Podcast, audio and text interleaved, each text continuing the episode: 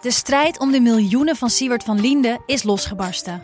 Zowel de staat als zijn stichting eisen de mondkapjeswinst terug. Maar dat die opbrengst in ieder geval niet thuis hoort bij Van Linde, daarover kan toch eigenlijk geen twijfel bestaan. Hoe kon het zo ver komen? Dit is het. We hebben beet. En als Siewert het geld teruggeeft, kunnen wij dit schandaal dan eindelijk loslaten? Je hoort het in de Mondkapjesmiljonairs, exclusief bij Podimo. Ga naar podimo.nl/slash mondkapjes. Je rijdt dus door een oorlogsgebied op een, op een vellig, terwijl het keihard regent en overal pikdonker wordt. Nee, we durven niet te stoppen. En je- eh, ja, eh, Joep is nooit bang. Joep Vermans, de kamerman, die was nu ook echt bang. Via podimo.nl slash gonzo luister je de eerste 30 dagen gratis naar Podimo. podimo.nl slash gonzo. Ik geloof niet dat het nou dat kapitalisme is wat zo'n probleem is. Want ik denk dat heel veel mensen eh, inzien dat het heel veel welvaart brengt. Maar ik denk dat ze niet willen dat het een ongrijpbaar iets wordt. Dit is Betrouwbare Bronnen met Jaap Jansen.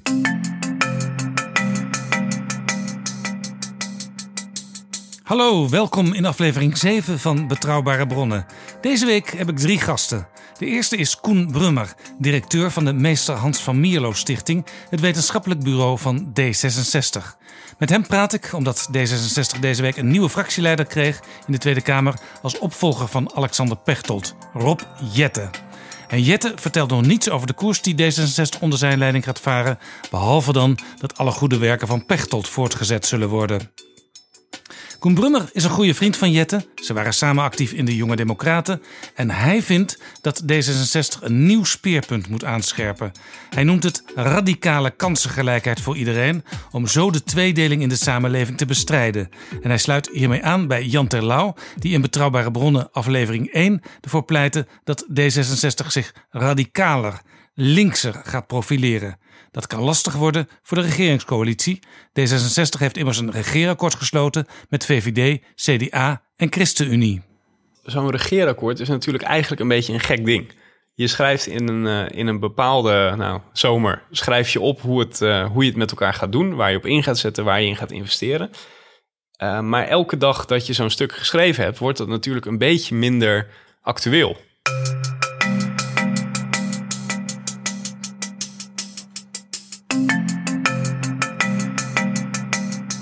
Mijn tweede gast is mijn vaste gast PG Kroeger, met wie ik praat over afscheid nemen als politiek leider. We bespreken twee historische voorbeelden: Jonkheer de Geer en Dries van Acht, die zijn buik vol had van de politiek. Eh, je ging ervan kotsen, als ik het zeggen mag zo. En een vrouw zou ik het niet mag zeggen, doe ik het ook.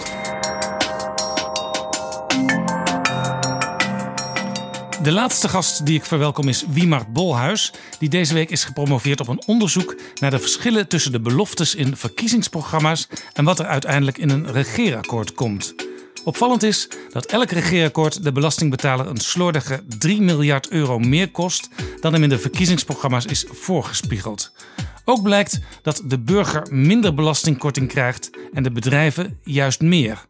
Eh, ik kan alleen maar concluderen dat je in verkiezingsprogramma's of in de regeerakkoord een soort herverdeling is van eh, beloftes aan burgers naar dat bedrijven meer krijgen, zonder dat dat leidt tot extra, tot extra economische groei, tot eh, lagere werkloosheid dan beloofd werd in de verkiezingsprogramma's. Dus Interessant, Het is niet zo zeg. dat dat, Ja. dat, dat, dat dat beter wordt. Dus ik snap de, de, de verdedigingslijn of ik snap ook de assumptie die genoemd wordt. Dit is ook dat vestigingsklimaat waar Mark Precies. Rutte mee schermt. Hè?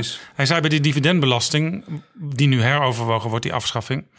eh, ja, dat is goed voor het vestigingsklimaat. Ja. Maar vervolgens kon hij eigenlijk niet onderliggende cijfers daarbij geven. Nee, dat is, dat, nou, dat is in die zin eh, biedt mijn, eh, mijn onderzoek daar dat eh, biedt hetzelfde verhaal. Klopt.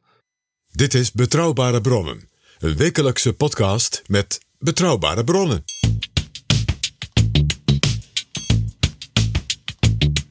Voordat we echt beginnen heb ik een primeur voor betrouwbare bronnen. Onze eerste advertentie. Je begrijpt, advertenties zijn belangrijk, want die maken dat er inkomsten zijn en dan kan ik betrouwbare bronnen blijven maken. Elke week. In de betere boekwinkel ligt nu het boek De Rechtvaardige, geschreven door Jan Brokke over Jan Zwartendijk, een Nederlandse consul die aan het begin van de Tweede Wereldoorlog duizenden Joden wist te redden door ze snel een visum te geven voor Curaçao.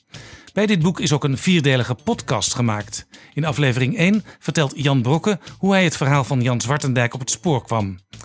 Het is leuk dat deze eerste advertentie over een boek van Jan Brokke gaat. Want toen ik heel lang geleden in de journalistiek begon, was dat bij het weekblad Haagse Post, HP. En daar was Jan Brokke toen redacteur. Toen al een van de beste schrijvers van Nederland. Afijn, luister ook eens naar de podcast De Rechtvaardige en koop dat boek. De link naar de podcast en naar het boek vind je in de beschrijving van deze aflevering van Betrouwbare Bronnen.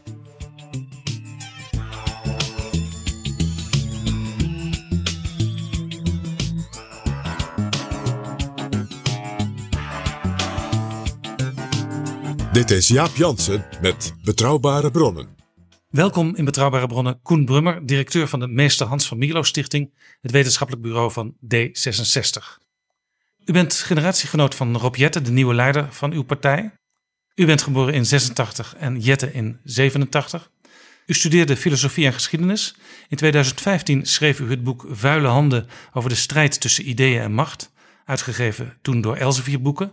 U werkte bij de D66 Tweede Kamerfractie en u was speechschrijver op het ministerie van Justitie, onder andere van Opstelten, Teven, Van der Steur, Dijkhoff en Blok. En nu bent u dus de baas van het wetenschappelijk bureau van D66. Hoeveel mensen heeft u onder u? Ja, dat is altijd een goede vraag om te stellen bij uh, wetenschappelijke bureaus van, uh, van politieke partijen. Want het zijn altijd uh, vrij kleine, kleine clubs. de hoeveelheid mensen die je hebt is, is verbonden aan het aantal zetels in de Tweede Kamer. D66 heeft, heeft 19 zetels, dus dat betekent dat je per zetel krijg je een bepaald bedrag van.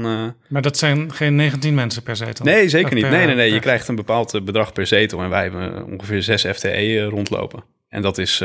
Nou, D66 heeft het goed gedaan bij de laatste verkiezingen. Dus dat is meer dan, uh, dan voorheen gelukkig. Uh, maar het blijven vrij kleine clubs. En met die zes mensen moet je dus eigenlijk het hele denkproces van zo'n partij vormgeven? Ja, in principe wel. Nu is het wel dat veel van dit soort clubs, en, en wij doen dat ook, proberen heel erg te investeren in, in netwerken van Hè, uh, van wetenschappers, van experts die veel weten van bepaalde thema's. En die betrekken we dan ook bijvoorbeeld als er verkiezingsprogramma's moeten worden voorbereid. Als we zelf met publicaties komen. om te voorkomen dat je met een kleine club op elk onderwerp expert moet worden. Uw partij heeft een nieuwe leider, Rob Jette. Ik ga u zo vragen wat voor tips u voor hem heeft. Als het gaat om de inhoudelijke koers. Maar ik wil eerst van u weten hoe je de koers van D66 kunt typeren, zeg maar de inhoudelijke punten onder de grote leiders tot nu toe. En die grote leiders zijn natuurlijk Hans van Mierlo, Jan Terlouw, later nog een keer van Mierlo. En uiteindelijk uh, tot afgelopen week Alexander Pechtold. Ja, dat is, dat is, een, dat is een mooie historische vraag, denk ik. Um, Hans van Mierlo heeft natuurlijk iedereen het beeld bij hè, van de man die over de grachten loopt in zijn regenjas en, en zegt dat er een plan was voor verandering en vernieuwing, voor verbetering. En uh, het is niet voor niks dat hij vooral wordt geassocieerd met democratisering. Dat past ook bij Nederland in die tijd. Eigenlijk het vormgeven ook van de ontzuiling. Precies, het past heel erg bij Nederland in die tijd uh, van ontzuiling. Mensen stemden niet meer automatisch op dezelfde partij.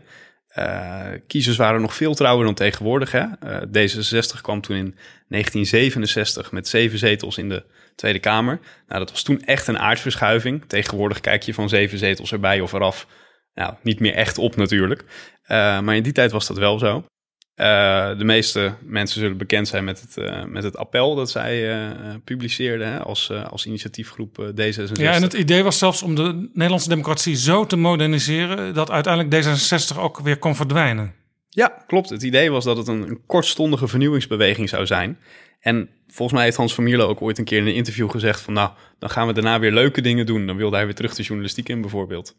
Ja, want hij moest ook gedwongen worden in het begin om partijleider, om lijsttrekker te worden. Dat was eigenlijk niet zo vanzelfsprekend voor hemzelf. Straalde die uit? Nee, klopt. Uh, er zijn toen, uh, ik heb het niet heel scherp hoor, maar Hans Gruiters, de oud-VVD-politicus, was natuurlijk ook iemand die, die in die kringen verkeerde. En er zijn behoorlijk wat gesprekken gevoerd. Wie moet dat dan doen? maar iedereen keek volgens mij vrijwel als vanzelf naar Van Mierlo om het te doen. En hij was dus de man van de democratische vernieuwing. Maar daar kwam eigenlijk in de loop van de jaren weinig van terecht. Ja, ik denk dat dat wel, wel veilig is om te zeggen. Er zijn natuurlijk een heel aantal uh, hè, dus, de, de, zaken die later kroonjuwelen zijn gaan heten. Hè? Uh, denk aan de gekozen burgemeester. Uh, het districtenstelsel hoorde daar ook ooit bij. de gekozen minister-president stond in het appel. ja, ik denk dat het veilig is om te zeggen dat andere partijen daar niet heel veel voor voelden. en uiteindelijk zagen we zelfs onder Paars in de jaren negentig de nachten van. Hè? De nacht van Fontijn, de nacht van Wiegel. Uh, waarin, uh, waarin die plannen ook echt ja, zijn stuk ja. gelopen. En uiteindelijk het regeerakkoord. Een heel minuscule vorm van referendum, het raadgevend referendum, wat door een kabinet waar D66 nu in zit ook weer gekielhaald is. Ja, klopt. het referendum, dat is ook eigenlijk best een interessant element in dat, in dat democratisch denken van D66. Want aan de ene kant bestond er die behoefte van wij willen, de, hè, wij willen mensen weer meer betrekken bij het bestuur en bij de politiek.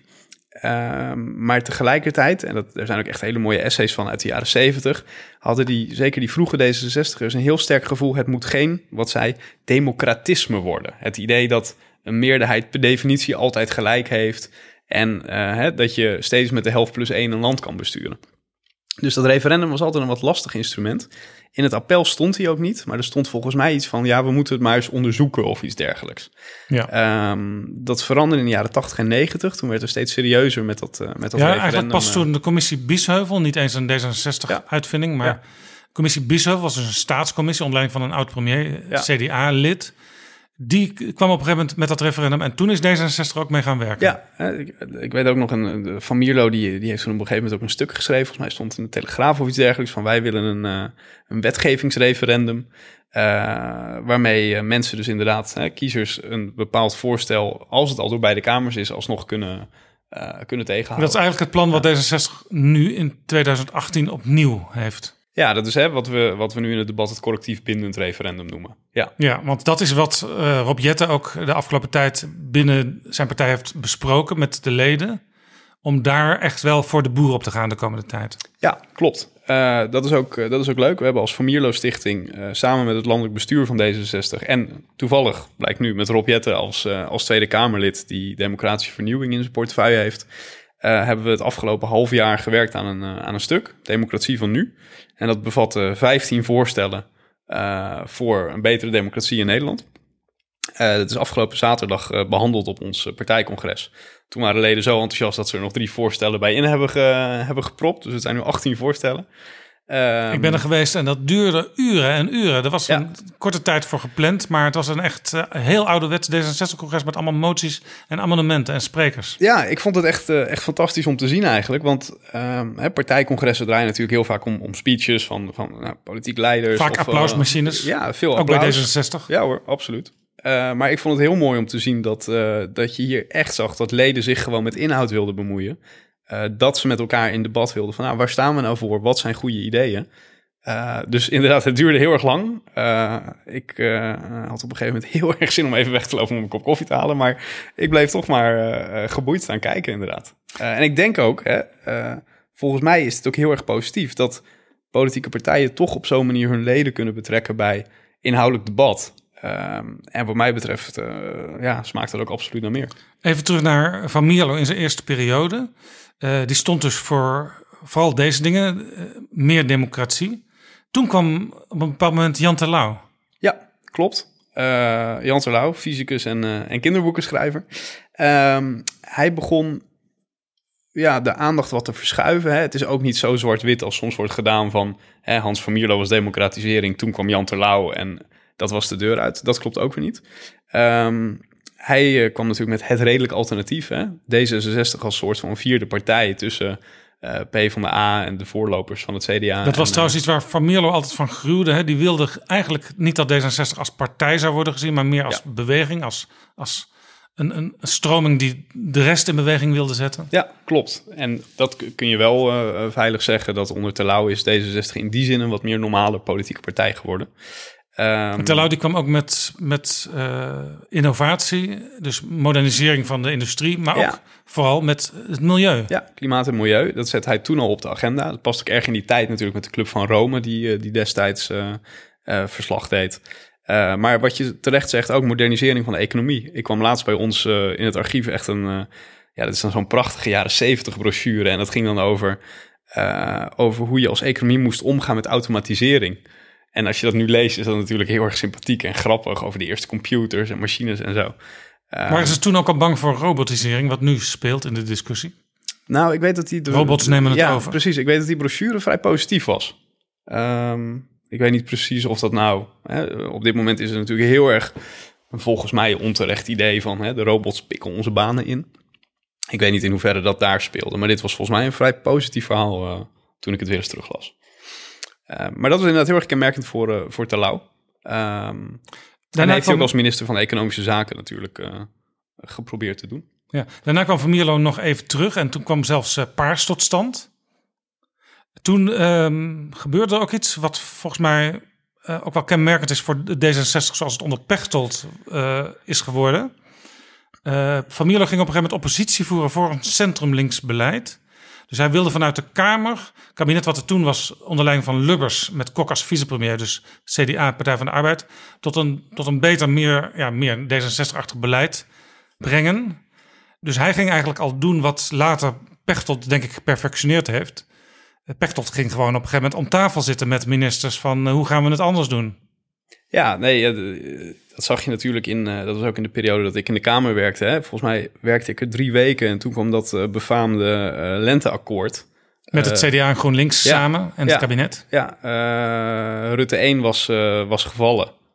Dat gebeurde op een zaterdag dat wij ook partijcongres hadden. Waarbij allemaal mensen heel zenuwachtig toespraken moesten gaan herschrijven opeens. Want dit kwam wel erg onverwacht. En toen in de week erna kwam inderdaad Jan Kees de Jager... die bij ons over de gangen liep om, eh, eh, om, om toch steun voor dat hervormingspakket... eh, voor dat bezuinigingspakket. Met als grote trump voor Alexander Pechtold dat de gesprekken plaatsvonden in zijn fractiekamer. Ja, klopt. En het is ook heel leuk als je nu naar die fractiekamer gaat. Daarnaast hangt ook een hele mooie foto, groot ingelijst. ehm, waarop je hè, kan zien dat ze zeiden... nou mensen, we zijn eruit en dat alle journalisten binnenstromen. Onder, nog even onder Van Mierlo 2 zou ik maar zeggen, dus de paarse periode. Ja. Toen is ook ehm, toch heel erg omarmd wat critici, zeg maar in de SP-hoek, het neoliberalisme noemen. Is een beetje een scheldwoord.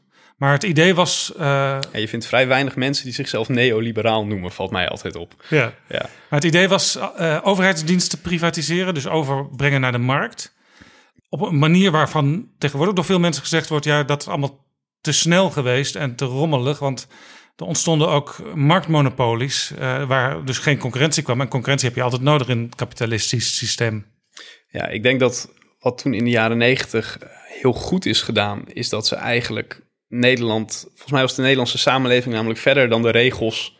eh, waarbinnen ze moest, moest opereren, zullen we maar zeggen. Eh, dus er zijn toen tal van maatregelen doorgevoerd. Hè, of het nou gaat op het gebied van medische ethiek. Eh, denk aan het homohuwelijk. eh, denk aan eh, zondags openstelling van winkels. Verzin het maar. En dat was denk ik heel erg nodig.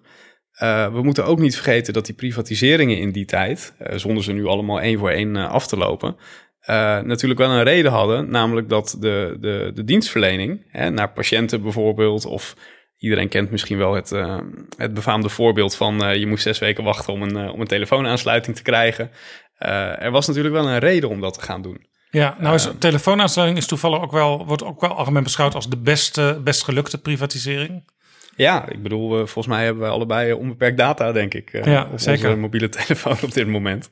Ehm, ik ben benieuwd of dat onder de overheid was gelukt. Ik heb inderdaad de tijd nog meegemaakt dat je computer met veel piepjes en kraakjes aan moest zetten. Ja. En niet te lang, want dan was dat kostte te veel geld.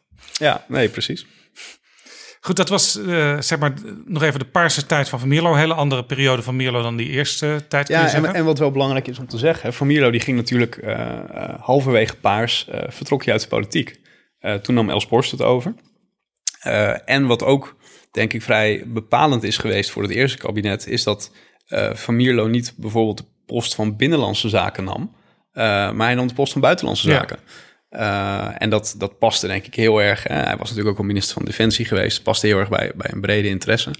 Ehm, maar ja, dat soort keuzes bepalen denk ik wel het, het, eh, het, het kabinet dat je, dat je voert. En er hebben ook critici gezegd van... goh, had hij niet op binnenlandse zaken democratisering verder moeten brengen? Nou, dat is lang geleden, kun je van alles van denken.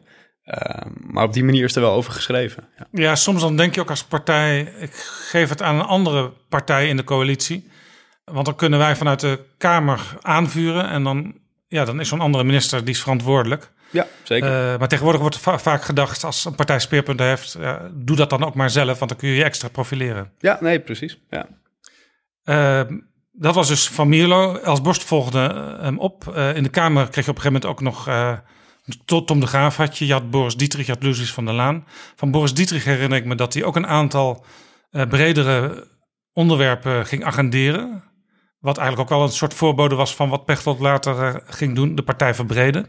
Ja, kijk, wat denk ik goed is om, om ter achtergrond te vertellen, is dat in 1998, dus uh, uh, na vier jaar paars, toen kwam er een, een vernieuwingsbeweging in D66. opschudding, dat waren overwegend jonge D66'ers. En die zeiden, we moeten eigenlijk maar eens dat taboe van het hebben van een ideologie of van het hebben van een politieke naam, uh, zoals de VVD dan uh, liberaal is, is dat tegenwoordig, zoals we weten, alleen nog op papier het geval. Uh, zoals het CDA christendemocratisch is, de PvdA sociaal-democratisch. Um, zo moet ook D66 die stap maar eens durven te zetten. Ja, want over D66 werd ook vaak de grap gemaakt, D66 staat voor niets. Precies. Um, toen kwam dus uh, opschudding met een, uh, met, een, uh, met, een, nou, met een oproep van wij moeten ons gewoon... Daar zat onder andere Loeswis van der Laan bij Bors van der Ham, herinner ik me. Ja, klopt. Een, een, heel rijtje mensen dat ook in de jaren daarna nog een grote rol in de partij heeft gespeeld. die kwamen met, met een hele serie voorstellen. meer inhoudelijk debatten, partijcongressen, mensen van buiten betrekken... Uh, de partijkleur moest zelfs geel worden, want dat was de internationale kleur van het liberalisme, blijkbaar. Ik herinner me uh, nog dat er een soort uh, gele kanarie op het partijcongres Zeker, nee, één iemand had, had heel bedenkelijk corvée, want die liep inderdaad in een geel kippen- of kanariepak rond. Um, maar de leden hebben het wel omarmd. En dus sinds 1998 is D66 een sociaal-liberale partij. dat is wel heel interessant. Het schijnt ook dat Hans van Mierlo toen uh, naar de jassen liep en zei van nou, aan deze onzin hebben wij toch eigenlijk nooit mee willen doen. Um, tja, je kan je alleen wel afvragen of dat nou zo'n grote verandering was. Want als je met iets andere ogen naar die partijgeschiedenis kijkt, uh, was D66 eigenlijk altijd wel een partij die heel dicht bij dat sociaal liberalisme stond. Um, hè, dat appel in 66 bevatte allemaal voorstellen voor radicale democratisering. Maar wat veel mensen niet weten is dat er eh, dat die eigenlijk zijn gedestilleerd uit een lijst van meer dan 30 voorstellen die over allerlei politieke thema's gingen. Ja, want ik weet dat uh, bij die eerste vergadering van D66 waren ook uh, wat mensen die uit de linkervleugel van de Partij van de Arbeid afkomstig waren, oh ja. als het over sociaal-economie ging. Uh, die probeerden ook hun standpunt in het programma te krijgen. Maar dat was nou net niet die sociaal-liberale visie ja, waar D66 ja. naar zocht. Ja. Ja, en ook bij die voorstellen hoorden ook dingen als uh, uh, ruime recht op vrijheid van meningsuiting bijvoorbeeld stond er al bij. Um, hè, dus deze is altijd wel een bredere partij geweest. Uh, vervolgens kwam het moment in 1998 dat het ook werd gezegd. Um, Later is ook wel eens de vergelijking gemaakt met de Vrijzinnige Democratische Bond ja, van voor de oorlog. Ja. dat dat eigenlijk de founding voorvaders, of hoe noem je dat, waren eigenlijk van de mensen die D66 hebben opgericht. Ja, klopt. Vrijzinnig Democratische Bond die is weer voortgekomen uit de Radicale Bond. Uh, de VDB werd in 1901 opgericht. En het is heel erg uh, grappig eigenlijk als je kijkt naar de redeneringen van, van grote voormannen van de VDB. Uh, ook kijk naar concrete voorstellen van de VDB. Zij waren ook al heel erg bezig met democratisering en dergelijke. Zij wilden altijd bewust niet het, het, uh, het, het, blinde liberalisme van, van wat je nu bij de VVD zou kunnen vinden, of het, het collectivistische en, en, en, en, en socialistische van, uh, van de Sociaaldemocraten in die tijd volgen. Zij bewaakten echt een soort middenpositie. Het gedachtegoed van D66 bestond dus eigenlijk al ongeveer een eeuw. En D66 was, zegt u, al een sociaal-liberale partij voordat de partij zo genoemd werd. Ja, of althans, hè, je kan dat heel goed, kun je daar best wel de voorstellen en de filosofie en de plannen bij, uh, bij vinden, zeker. Ja. Toen kwamen we bij Alexander Pechtold. Wat is zijn inhoudelijke verdienste voor D66? Nou, ik denk dat hij heel mooi, uh, en dat zie je ook al heel erg vroeg, zelfs in een, uh, in een toespraak uit 2007, toen hij dus eigenlijk net een jaar of een half jaar partijleider was, dat hij zich heel erg scherp heeft weten te verzetten tegen zowel links als rechts conservatisme. Um, D66 kwam echt te boek te staan als een partij van sociaal-economische hervormingen. Uh, arbeidsmarkt, woningmarkt, uh, investering in het onderwijs. En allemaal vanuit de gedachte uh, het individu te willen helpen ontwikkelen, te willen emanciperen. Omdat heel veel systemen nog steeds op groepen en op gezinnen waren ingesteld. Ja, precies. Uh, maar ook uh, dat ze bijvoorbeeld uh, niet rechtvaardig waren ten opzichte van verschillende generaties. een bekend voorbeeld is natuurlijk de verhoging van de AOW-leeftijd. dat had al lang moeten gebeuren. de eerste motie die, die Pechtel daarover indiende, werd volgens mij door vier Kamerleden destijds gesteund. De drie van D66. En door Rita Verdonk van Trots op Kijk Nederland. Eens aan, Rita. ja, die had, een, had een helder moment. Maar dat was natuurlijk een enorme ja, uphill battle, om het zo maar te zeggen. Uh, om die... die... tot op de dag van vandaag voortduurt. Bijvoorbeeld als het gaat om het pensioenstelsel. Daar is uh, Wouter Koolmees, de minister van Sociale Zaken van D66, mee bezig. In overleg met de Sociaal-Economische Raad. Om daar een bestendig plan voor te maken. Ja, en daar wil D66 natuurlijk ook deze uitgangspunten in verwerken. Ja, en wat je bij bijna al dat soort hervormingen ziet, of het nou gaat om de hypotheekrenteaftrek of het ontslagrecht uh, moderniseren, of zoals je terecht zegt, de pensioenen. Wat bijna al die thema's gemeen hebben, is dat ze uh, vastlopen op uh, gevestigde belangen. En dat is denk ik waar D66 onder Pechtel de afgelopen tien jaar heel consequent aan heeft gewerkt. Aan toch een vrij radicale agenda om hè, die Nederlandse verzorgingsstaat eigenlijk om te bouwen naar een meer toekomstbestendig uh, stelsel. En die agenda moet, er moeten nog wat laatste loodjes nu gerealiseerd worden, maar die agenda is bijna afgewerkt, zou je kunnen zeggen. Nou, dat weet ik niet. Je noemde net pensioenen al terecht. Um, ik denk dat, uh, dat we ook nog, gewoon nog niet genoeg doen op het gebied van onderwijs. Um, ik denk dat je nog een heel aantal thema's kan noemen die, die bij die filosofie passen. Uh, ik denk als je nu kijkt naar studies van het Sociaal Cultureel Planbureau bijvoorbeeld, uh, over hè, de tegenstellingen die in Nederland worden ervaren, uh, het gebrek aan kansengelijkheid. je hebt natuurlijk nog steeds een soort, ja, Van Mierlo noemde dat al, een, een ondoordringbare en steeds hoger wordende muur tussen mensen die je, die je insiders zou kunnen noemen, hè? vaste banen, diploma's, hypotheken of zelfs afbetaalde huizen. Uh, en mensen aan de andere kant die het in huurwoningen moeten doen met weinig kansen zich verder te ontwikkelen, met uh, ja, hè, constructies waar ze als ZZP'er in zitten. Terwijl ze maar is dit eigenlijk niet dan, willen. als je kijkt naar wat voor mensen er uh, actief zijn in D66 en ook vaak erop stemmen, dat zijn vaak toch die mensen die wat meer aan de bovenkant zitten, met inderdaad meer perspectief, goed inkomen, hoge opleiding, een vaste baan of als ZZP'er, maar dan wel goed verdienende ZZP'er? Um, ja, dat is voor, volgens mij is het ten eerste, als je echt naar de, naar de feiten kijkt, valt dat nog wel mee. Hè? Ik bedoel, uh, uh, ik heb ze niet helemaal paraat, maar volgens mij is een vrij groot deel van onze stemmers is ook nog steeds uh, middelbaar opgeleid. Maar in grote lijnen klopt het, klopt het helemaal wat je zegt. Maar alleen, u zegt dus... alleen dat lijkt me een vrij slechte reden om vervolgens het niet na te jagen. Omdat, nee, omdat nee dat is dan juist te prijzen dat je dan juist naar de, het grote geheel van de samenleving kijkt en ziet dat er enorme verschillen zijn en dat sommige groepen uh, nauwelijks nog met elkaar in communicatie Zeker, zijn. Ja, en er, zijn ook natuurlijk uh, uh, redenen voor aan te dragen. maar het is wel vrij typerend dat je dus één groep mensen hebt die in globalisering, flexibilisering, digitalisering vooral kansen ziet. en een andere groep mensen die daar juist een bedreiging in ziet. Dit is dus eigenlijk waar Pechtold al mee bezig was, maar wat nog niet af is. Is het ook zo dat langzamerhand nu een beetje doordringt tot de samenleving en tot de beleidsmakers, maar ook tot de partijen en in dit geval D66, uh, dat er een aantal negatieve gevolgen zijn van de moderniseringen die we de laatste 20, 30 jaar hebben doorgemaakt? Ja, Met de globalisering als grote overkoepeling. Ja, ik, ik vond, uh, er stond een paar weken geleden een heel interessant essay in The Economist over uh, hè, het liberalisme anno nu. Ja, en, Economist was uh, 175 jaar, dat vierden ze. En dan hadden ze een enorm verhaal over hoe het liberalisme, een beetje het D66-achtige liberalisme, op een aantal punten was vastgelopen. Ja, klopt. En dat vond ik aan de ene kant heel erg te prijzen, want het is ten eerste mooi dat, uh, nou, hè, dat je met, met, een, met een sterk inhoudelijk essay komt uh, om, je, om je jubileum uh, te vieren. Um, en het was ook behoorlijk zelfkritisch. Dat vond ik ook erg mooi. En er stond ergens een regeltje in van het is veilig om te zeggen dat liberalen de laatste decennia meer naar die grote ontwikkelingen hebben gekeken vanuit de gedachte.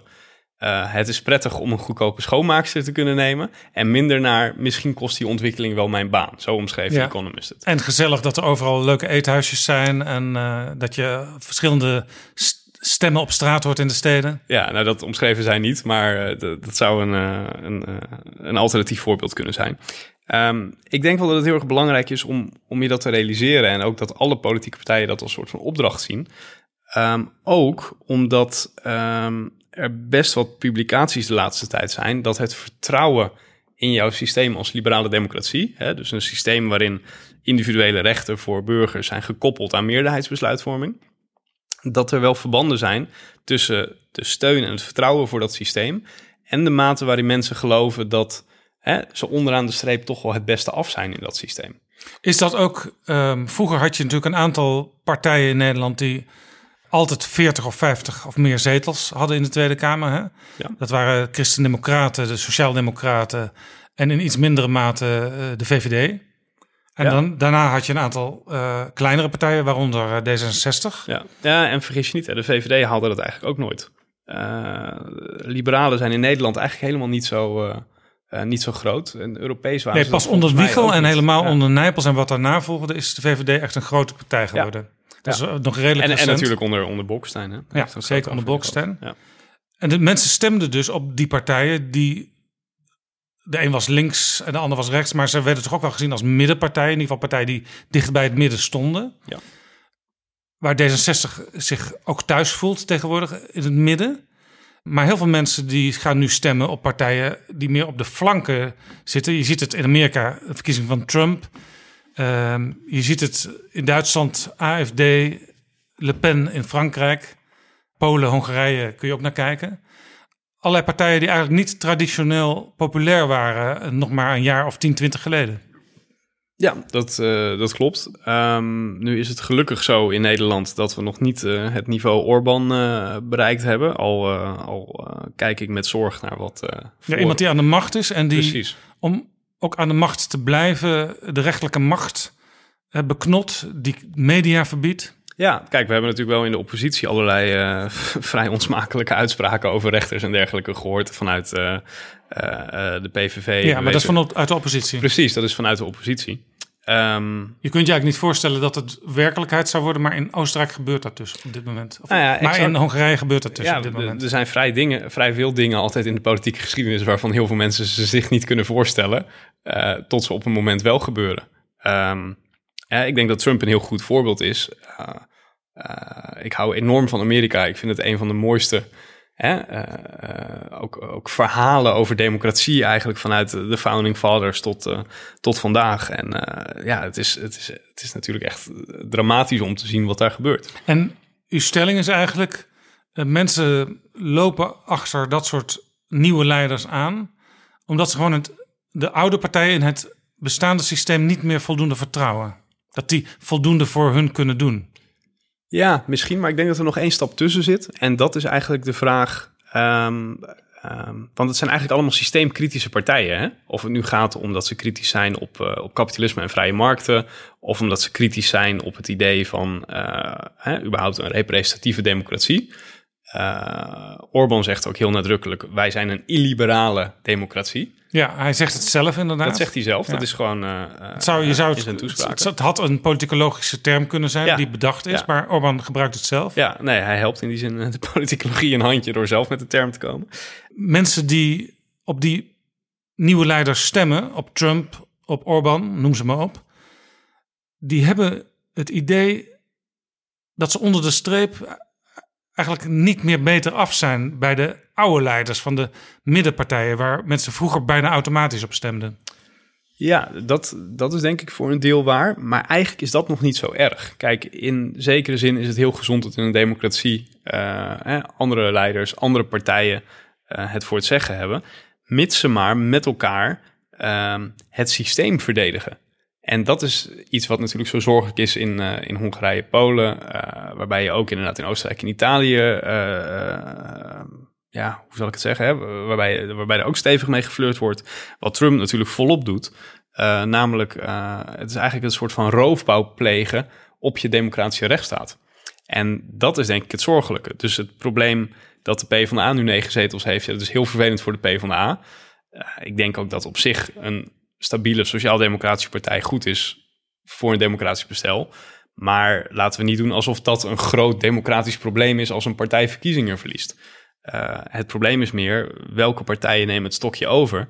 En zijn die misschien wel in staat, en misschien hebben ze zelfs wel als doel, om uh, zaken waar ons politiek stelsel op rust, waar rechten van mensen op rusten, om die onderuit te halen. En dat zie je inderdaad in het, in het buitenland wel degelijk gebeuren. Ja, en zeker ook als partijen groepen, vaak migranten, wegzetten in de zin van jij hoort hier eigenlijk niet. Ja, en niet eens migranten, maar ook natuurlijk nakomelingen van migranten. Ja. Die hier geboren zijn en uh, een paspoort hebben en dergelijke. Ja, absoluut. Nou is Pechtold afgelopen week het politieke bos ingegaan. Rob Jette is de nieuwe leider van D66. het politieke bos van Wageningen. ja. En um, als je nou kijkt, Pechtold heeft een aantal dingen neergezet. Waar moet, we hadden het misschien al een beetje over, maar waar moet Rob Jette nu uh, nog extra mee aan de slag? Hij is natuurlijk zelf ook een man, behalve van democratisering van het klimaat. Dat zijn zijn twee punten van de afgelopen tijd.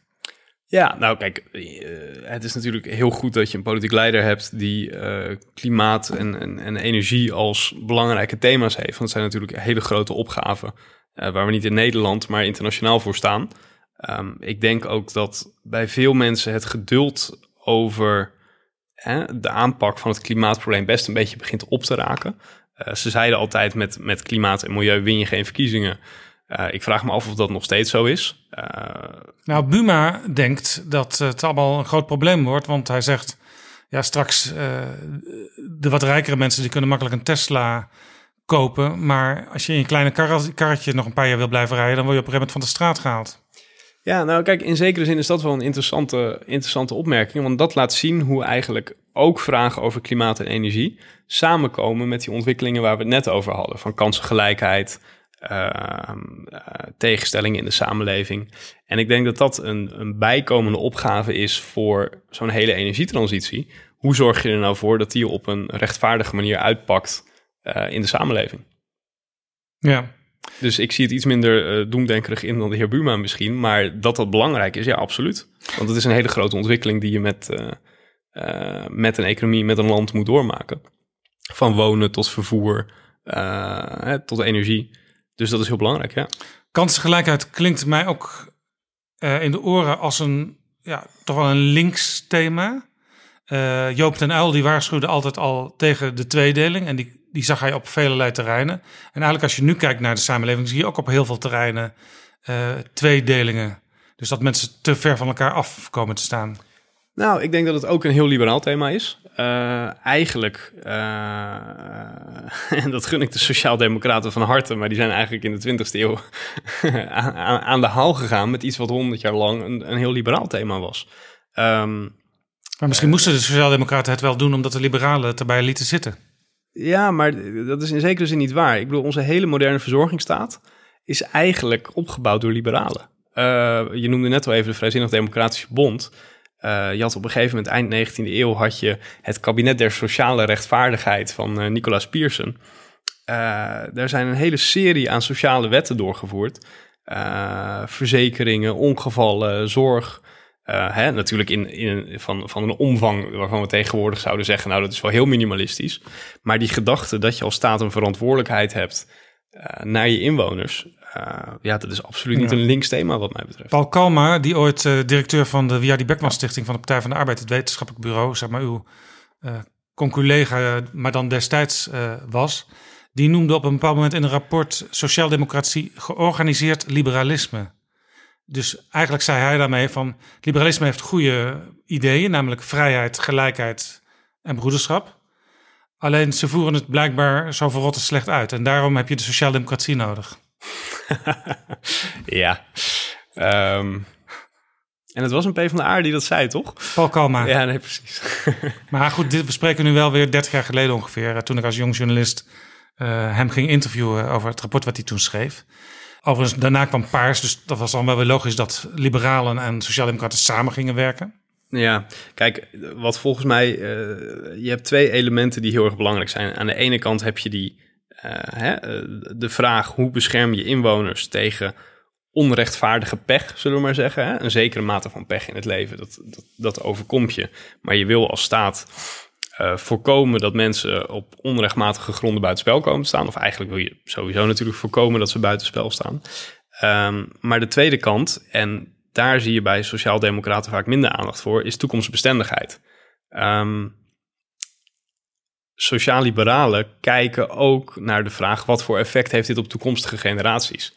Dus je kan een fantastische verzorgingsstaat bouwen, maar als die maar één generatie bescherming kan bieden, moet je toch bij jezelf te raden gaan uh, of je geen verplichting hebt naar die volgende generatie. Ja, ja, de verzorgingsstaat kan zo goed zijn dat het geld op een gegeven moment op is, bij wijze van spreken.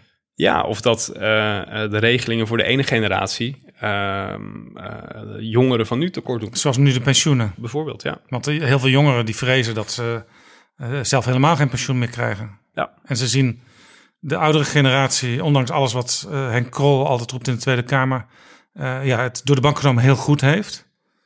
Ja, ik geloof dat Steven van Weijenberg, die, die pensioenen deed voor D66 in de Tweede Kamer, ooit een keer in een Kamerdebat heeft gezegd: jongeren van nu geloven eerder uh, UFO's te zien dan checks van pensioenfondsen als ze later oud zijn.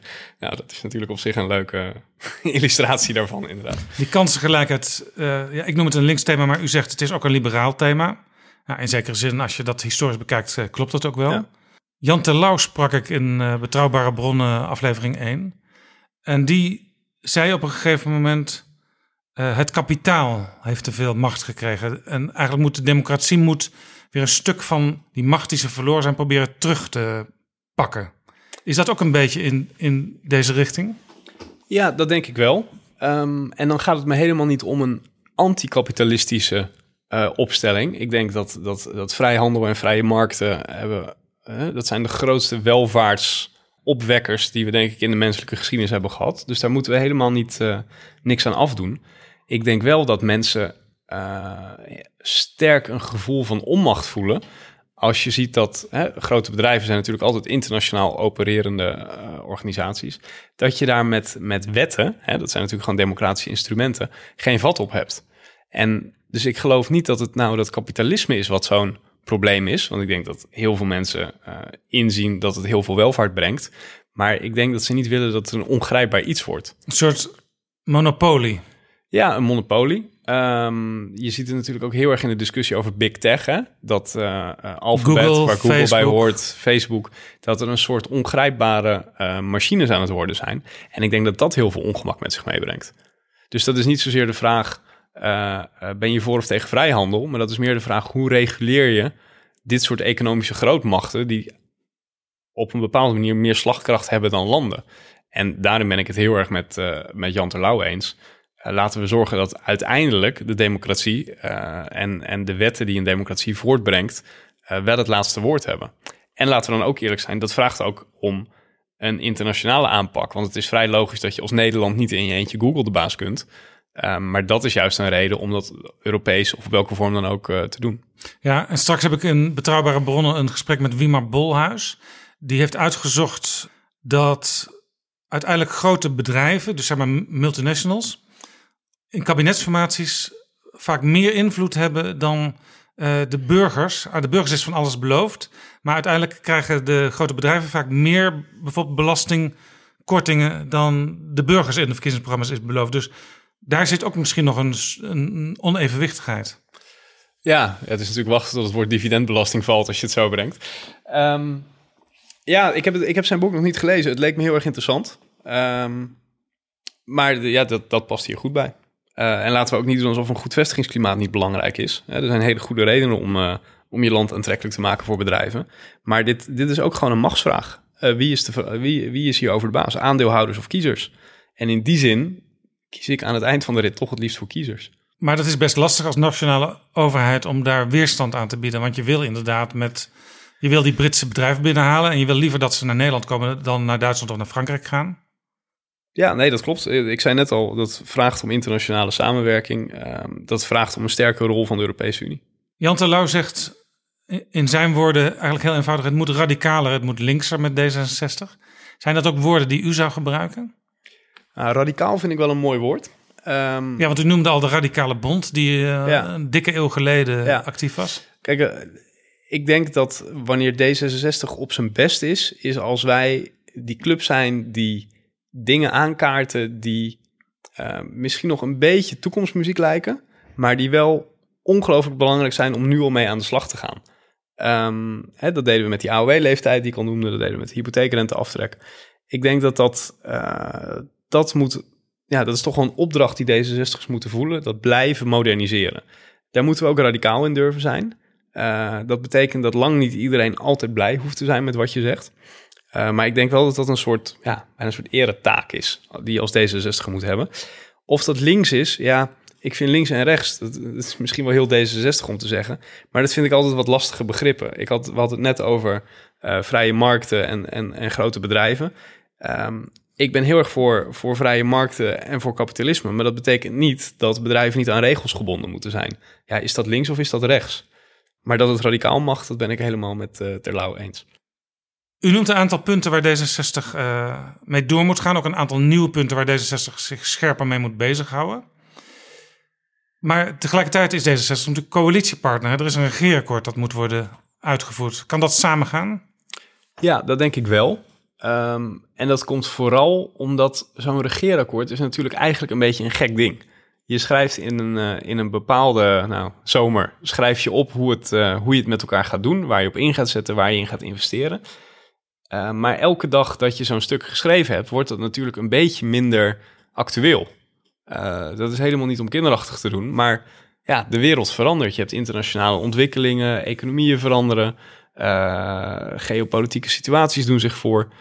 Ehm, dus de gedachte dat een regeerakkoord vier jaar lang een soort routekaart is door, hè, door, door de politieke jungle, die is natuurlijk niet heel realistisch. En dat weten heel veel mensen eh, en heel veel politici zelf ook wel. Dus volgens mij moet je twee dingen doen. Je moet je constructief en betrouwbaar gewoon opstellen richting de coalitie. Je moet gewoon het regeerakkoord uitvoeren. Maar vervolgens bij het aankaarten van nieuwe ontwikkelingen, nieuwe problemen, dan moet je denk ik die echte D66-taak van moderniseren, vooruitkijken, aanjagen, eh, moet je die op je nemen. Uh, en elke dag dat het regeerakkoord een dagje ouder wordt, uh, wordt die taak belangrijker. D66 gaat dus wat u betreft aan de slag met nieuwe ideeën. Sommige ideeën die D66 al had, maar die nog actueler worden gemaakt door de ontwikkelingen. En tegelijkertijd kan de partij dus de komende periode gewoon regeren met drie andere partijen. Ja, maar sterker nog, dat laatste vind ik ook heel belangrijk. Er wordt soms gedaan alsof het oh, lastig, lastig regeren. En veel journalisten vragen dat ook van, hè, had je dan wel in zo'n kabinet moeten stappen? Uh, ik vind de vraag, wat had je anders moeten doen, vind ik veel belangrijker. Uh, had je vier jaar aan de zijlijn moeten gaan staan, getuigenispolitiek bedrijven, in de hoop dat je dan bij de volgende verkiezingen weer drie zetels extra zou pakken? Uh, ik ben heel blij dat D66 dat niet heeft gedaan. Uh, ik ben ook heel blij dat de andere drie partijen in deze coalitie dat niet hebben gedaan. Um, en ik vind het heel erg jammer dat hè, partijen die nu in de oppositie hebben, GroenLinks is natuurlijk dichtbij geweest, maar durft het uiteindelijk niet aan. Voor mijn uh, beeld van wat politiek nu eigenlijk fundamenteel is, ja, daar hoort verantwoordelijkheid nemen en regeren toch al bij. Robiette straalt ook heel erg uit, de nieuwe leider, dat hij uh, deze coalitie tot een goed einde uh, wil brengen. U kent hem heel goed, want u zat samen in de Jonge Democraten. Is hij ook de leider voor de toekomst voor D66? Ja, uh, dat klopt. Ik ken hem al best lang. Um, ik denk, uh, de, keuze voor Rob is denk ik sowieso een keuze voor iemand die, die, dat, die dat ook kan doen. Hè. Ze hebben, er ging natuurlijk debat over, wil je een tussenpauze of wil je iemand van een nieuwe generatie? Nou, ze hebben heel bewust gekozen voor iemand van die nieuwe generatie. Uh, dat vind ik ook mooi, want daar straalt een zeker lef ook van uit dat je een, een jonge, opkomende politicus benoemt. of kiest, niet benoemt. Dus dat vind ik heel mooi. Kijk, uiteindelijk is het zo dat er ook meer mensen een gooi mogen doen naar het lijsttrekkerschap als er nieuwe verkiezingen aankomen. Dus Sigrid Kaag bijvoorbeeld, uh, Kajsa Ollongren. Ja, hè, ik bedoel, iedereen mag dat doen. Elk lid van D66 mag, zich, uh, mag zich kandideren. Dus hè, dat is goed, dat moeten we, ook, uh, moeten we ook afwachten. Maar voor nu vind ik het heel mooi dat hè, iemand van een nieuwe generatie uh, het de komende tijd gaat doen. Koen Brummer, mag ik u danken voor dit uh, prettige gesprek. Dankjewel. Jaap Jansen en Pieter Gerrit Kroeger duiken in de politieke geschiedenis. Welkom in Betrouwbare Bronnen, aflevering 7 PG. Dag Jaap, daar zijn we weer. Hallo. We moeten nog even terug, PG, naar vorige week. Want toen hadden we het over Piet de Jong en jouw voorstel aan het kabinet, aan de minister Ank Bijleveld... om een nieuw bevoorradingsschip naar Piet de Jong te vernoemen. Nou, dat wordt nu uitgewerkt op het ministerie, neem ik aan. Maar jij wou nog iets kwijt over uh, de marine. Ja, er is echt iets prachtigs gebeurd. Piet de Jong, de, de, de, de onderzeebootkapitein die minister-president werd, de authentieke oorlogsheld. En nou ja, de, de, de, de podcast is nog niet een week oud. Of wat meldt de marine? Dat er voor het eerst op onderzeeboten vanaf volgend jaar vrouwen mogen meevaren. Nou, uh, Drie hoeraatjes voor minister Bijleveld. Absoluut. En uh, dat is natuurlijk zeer vermakelijk, want het was dus het enige nog volledig masculine deel van onze krijgsmacht en van de marine. Uh, en, en, en ja, waarom niet, hè? Nou ja, er werd vroeger altijd gezegd, was natuurlijk het smoesje, dat die gangetjes zijn zo klein in zo'n op zo'n schip, dat je elkaar wel moet aanraken bij het passeren. Uh, ik las hedenochtend de Telegraaf ook van een groepsoudste, want wat schijnen ze daar te hebben? Dat klinkt als een soort, soort, jeugdherberg, maar goed. Dat het schuurt, niet iedereen zal even enthousiast zijn. En dat ze dus speciale omkleedcabines dus moeten gaan doen. En dat dan in de, de, de, wat, de douches in die onderzeeboot, dat daar dan geen gordijntjes meer mogen, maar muurtjes. Jawel, het is toch wat, het is toch wat. Het, zal, het is dus nu een eerste stap. Uh, gaat officieel onderzoeken en kijken hoe dat dan uitpakt.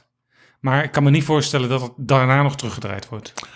Dit is gewoon weer een stap op weg naar uh, een normaliteit in de militaire wereld. Gewoon overal mannen, vrouwen of mensen die zich anders noemen, moeten overal kunnen werken en actief kunnen zijn. Zoals ook vrouwen minister van Defensie kunnen zijn. En zoals bijvoorbeeld in de jaren 50 en 60 de straaljager Hanny hadden. De ARP-Kamerlid Hanny van Leeuwen onlangs overleden. Die, die geen F-16 uh, laat zeggen, kon, kon zien vliegen zonder dat zij die moet Nederland ook hebben. En straaljager Hanny was een term bedacht door communistenleider Marcus Bakker. En net als mevrouw Thatcher heeft ze die onmiddellijk, die de Iron Lady werd genoemd door het Kremlin, die, die naam onmiddellijk als koosnaam en als eretitel voor zichzelf. En Marcus Bakker had wel humor, die begreep dat hij dus verslagen was in dit opzicht door Hannie van Leeuwen, doordat ze zei van, oh maar dat vind ik zo'n enorme eretitel. Dus zij introduceerde zichzelf dolgraag als straaljager Hannie. We gaan het hebben deze week over iets anders, want er is eigenlijk een voor de hand liggend onderwerp deze week. Uh, Alexander Pechtold heeft afscheid genomen als politiek leider van D66 na 12,5 jaar. Dus het leek mij wel eens aardig om te praten over politieke leiders en de manier waarop ze vertrekken. Ja, het, het, afscheid van Pechtold, ik begreep, niemand wist het. Maar was jij niet een van de journalisten die bij de uitgang van het congres de speech die hij hield met foto's uit zijn leven cadeau kreeg? Ja, dat was dus al in, uh, nou, duizendvoud gedrukt. Waarschijnlijk een aantal dagen voor het congres. En dat betekent dus dat mensen dat al langer moesten weten. Want ja, ze hebben zo'n boekje in elkaar moeten draaien. En aan die speech kon dus in die dagen voor het congres niks meer veranderd worden. Ik vroeg op een gegeven moment aan een van de mensen uit de top van D66 op dat congres. Waar is Alexander toch? Want ik zie hem bijna niet. Ik heb hem een paar keer langs zien lopen. Ik dacht, die man zit nog te zweten op zijn tekst. Dat deed Van Milo vroeger altijd. Dan zat hij ergens achter in een hokje tussen dozen en kratten uh, lege flesjes zat hij nog aan zijn speech te werken. Dat die Aad dus. Nuis hem had geleverd. Dus dan moest hij ook nog het handschrift van Nuis uh, zien te lezen. dus dat beeld had ik voor me. Maar niets was minder waar. Want uh, al dagen en zelfs al maanden, ongeveer een half jaar... was bekend in een hele kleine kring dat Pechtold er van tussen zou gaan. En Thijs Boer van Vrij Nederland wist dat natuurlijk ook. Want die heeft nog een mooi interview met hem gemaakt... waarvoor drie lange sessies geweest zijn. Kortom, het was een beetje geanceneerd. Maar goed, uh, ik, ik ben eigenlijk bij, als het gaat om dat soort dingen, uh, altijd erg mild voor politieke leiders. Want je doet het bij je afscheid eigenlijk nooit goed. Nee, en ik denk ook, mag ik even kanttekening maken, dat wat je altijd hoort als iemand tussentijds uit de Tweede Kamer gaat, schande, kiezersbedrog, dat dat bij een leider die in dit geval 12,5 jaar daar gestaan heeft, geldt dat niet. Zo iemand mag zijn eigen moment kiezen. Absoluut. Uh, zeker als zo iemand ook zegt: uh, Ik heb misschien toch uh, dat, nou, het leiderschap nu. Nou, zet de pep misschien niet meer. Of de inspiratie die een beetje. Ik, ik merk dat ik een beetje op de, op, de, automatische piloot bezig ben. Dat is als je die zelfkritiek ook kunt hebben als leider. Dat is eerder te prijzen dan te misprijzen. Ja, helemaal eens.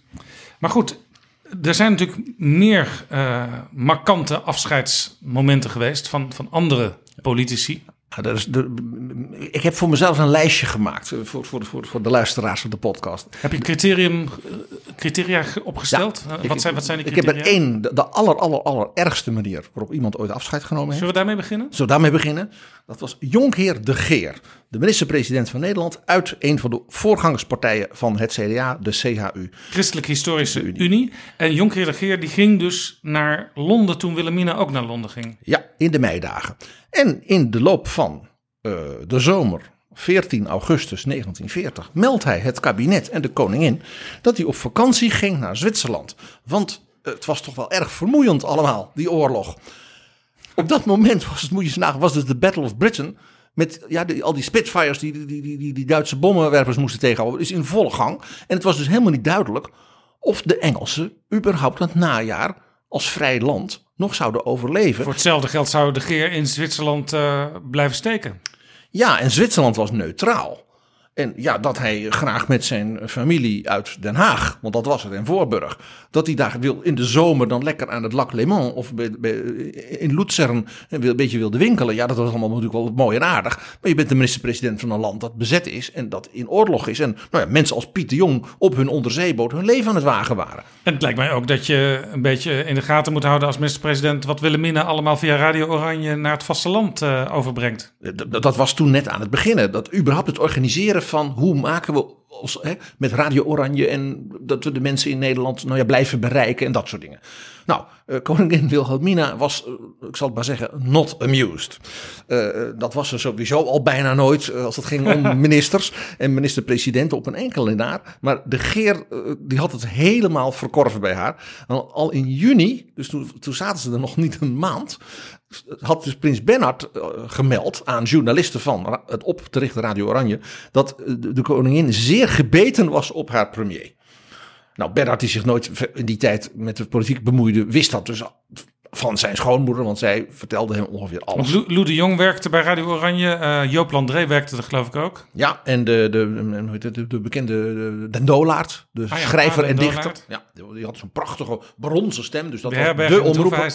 De, de omroeper was dat. Nou, eh, toen dus uh, de, de, de premier vertelde dat hij op vakantie ging, waren natuurlijk zijn collega-ministers onthutst. Doch niet koningin Wilhelmina. Die schreef aan haar dochter Juliana in een brief. De Britten noemen dat trouwens a lull in the war. Ja, uh, precies. Uh, alle Durkiaanse vredeswensen zijn in de doofpot waar zij thuis horen. Want zij dacht, Durkiaans, hij, ze noemden hem Durk. Ja, want hij heette Dirk de Geer, Durk. Ja, en het, dus dat gaf al aan dat ze niet heel veel respect meer voor de man had.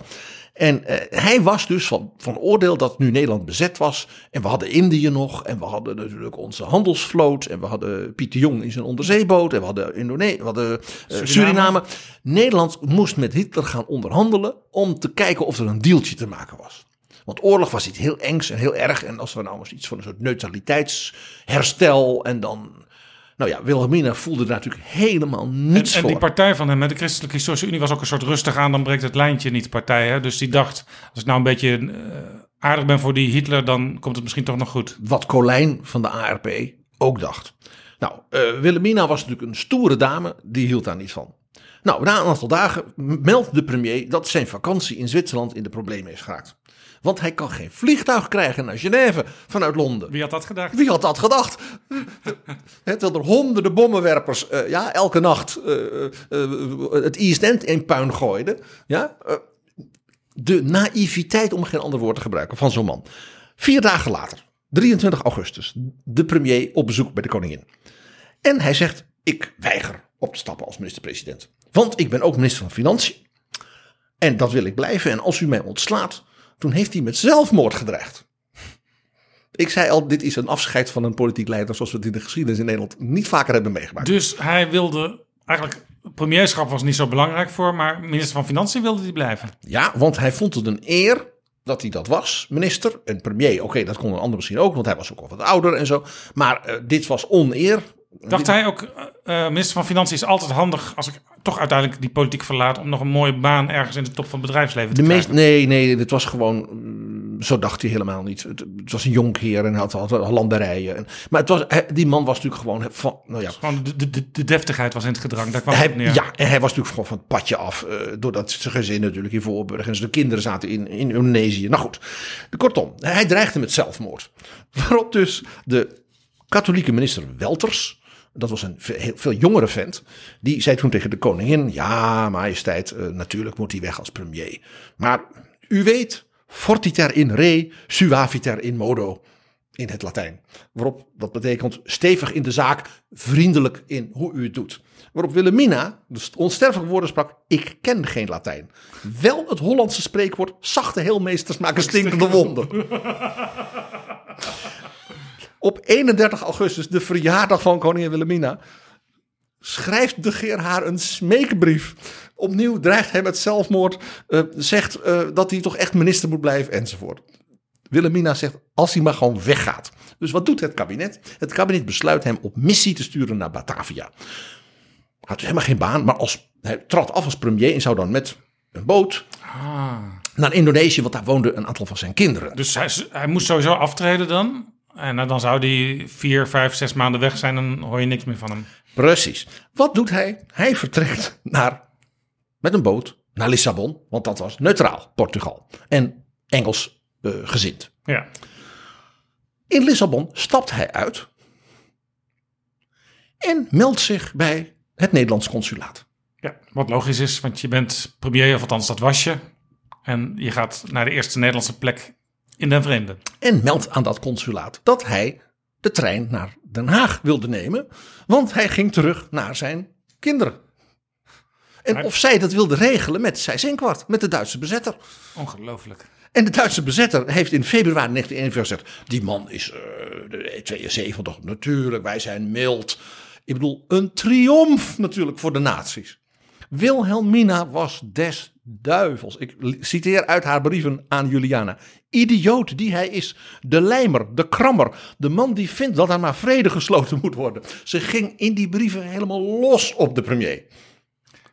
Gelukkig had ze dus zijn opvolger al zelf bedacht. En dat was natuurlijk Sjoerd Gerbrandi. Ja. De man met de meest fantastische walrussnor uit de Pieter Nederlandse Sjoerd politiek. Gebrandi. Een schitterende biografie, ook over hem eh, een, een tijd geleden ge- verschenen. Iedereen moet, moet die lezen. Maar nog even over de Geer. Die was dus op dat consulaat in Portugal. Gingen die mensen uitvoeren wat hij vroeg? Of gingen ze Ja. toch eventjes naar Londen bellen? Van wat moeten we doen? Na- natuurlijk wist de geheime dienst dit onmiddellijk. Ja, ze konden hem moeilijk ontvoeren en terugbrengen naar Londen. Het, is, dit is echt in de Nederlandse geschiedenis niet. Dit is een ongehoord verhaal. En W- Wilhelmina, die heeft dus gezegd: als u dit doet. Dus op vakantie gaan naar Zwitserland. Dan, eh, dan, dan zwaait er wat. Toen heeft ze gezegd: na de oorlog, na de overwinning. Let op, we hebben het over augustus 1940. Na de overwinning. Want Wilhelmina was natuurlijk echt diep overtuigd dat God eh, Nederland en Oranje zou redden. Uiteraard. God, Nederland, Oranje. Dat was, dat was natuurlijk ook een geweldig element in haar karakter. Ze was onmogelijk, hè, mijn Russisch bloed zal ze dan zijn. Maar op zo'n moment was die vrouw. Kijk, stel je voor dat je toen een wat half-half zacht type had gehad. Nee, zij had een soort stoerheid die onmogelijk was. Maar op zo'n moment natuurlijk geweldig. En Gerbrandy had dus, heeft vijf jaar lang als premier met haar veel te stellen gehad. Maar hij zei, ja, ze was natuurlijk op haar manier wel. Dat onverzettelijke was, dat inspireerde een heleboel mensen. Dus, dus in die brieven aan Juliana, die toch echt is uitgegeven moeten worden, eh, eh, gewoon in, in, in, in, een, in een dik boek. Want waar zijn die brieven nu? Die ligt in het archief.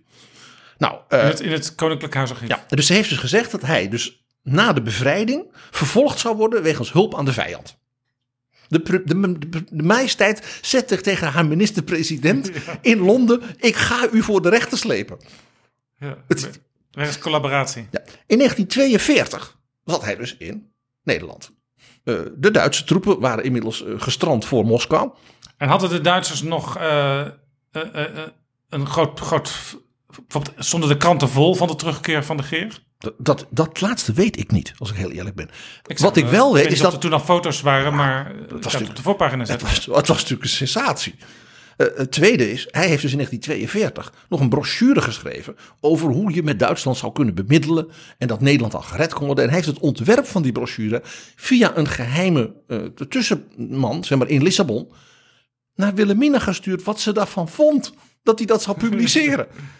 Man was echt van het padje, echt van lotje getikt. Van Volkomen naïef, om geen andere woorden. Wilhelmina was natuurlijk des duivels opnieuw. Want al haar woede en haar hè, Russisch bloed, dat speelde natuurlijk weer op. Nou, eh, wat is er gebeurd in 1945? Hij is dus opgepakt. En toen is hij veroordeeld tot een jaar gevangenisstraf. wegens eh, landverraad en hulp aan de vijand. Ja, de, de minister-president van dit land is dus tot een jaar gevangenisstraf veroordeeld voor landverraad. En waar moest hij toen eh, naartoe? Naar het Oranje Hotel? Nee, dat hebben ze niet gedaan. want Hij was zo oud inmiddels en een beetje gaga. Althans, dat dacht men. Dat hij eh, dus, eh, nou ja, ik zal maar zeggen, huisarrest. Het was al erg genoeg. Ja. Vervolgens heeft hij dus tot 1960, toen hij is dus heel erg oud geworden, heeft hij tegen iedereen die het maar wilde weten lopen klagen dat hij zo slecht was behandeld en dat het Wilhelmina persoonlijk was die hem en al zijn onderscheiding had afgenomen en de titel minister van staat. Hem was groot, groot onrecht gedaan. Al die tijd leefde Wilhelmina ook nog. Dus zij hoorde dan af en toe het geklaag tot haar komen. Je kunt je voorstellen dat koningin Wilhelmina, die kreeg een sik van die man. Maar ze, ze heeft dus haar voorspelde wraak ook volgenomen. Want zo was ze natuurlijk ook. Ze was, niet, ze was bruut in die dingen. En die overwinning waar zij in geloofde, die God zou schenken, die heeft ze ook gekregen. Uiteindelijk. Ja, Nou. dit is dus een manier van afscheid nemen die zo uniek is dat die wel nooit herhaald zal worden in Dat de hoop je ook. politieke Dat geschiedenis. hoop je ook. Nou, een- dan wat ik een heel knappe manier van afscheid nemen heb gevonden, is die van, Hey. Drie, van Dries van Acht. Nee, wacht even. Oké. Ehm, zeg nog eens alleen maar dat zinnetje hele knappe manier van afscheid nemen. Eh, ik heb ook een voorbeeld van een hele knappe manier van afscheid nemen. Laat me denken. Mm, nee, zeg het. Dries van Acht. Oh, Dries van Acht. Die ging. Nou, in mijn herinnering was er eh, verkiezingen van 82. Hij had net Ja. zijn derde kabinet gehad. Derde kabinet was een eh, klein kabinetje, omdat de Partij van de Arbeid uit het tweede kabinet was gestapt. En toen Met als vicepremier Jan, Jan Terlouw, de man van onze eerste van onze podcast. eerste betrouwbare bronnen. En 82 dus verkiezingen.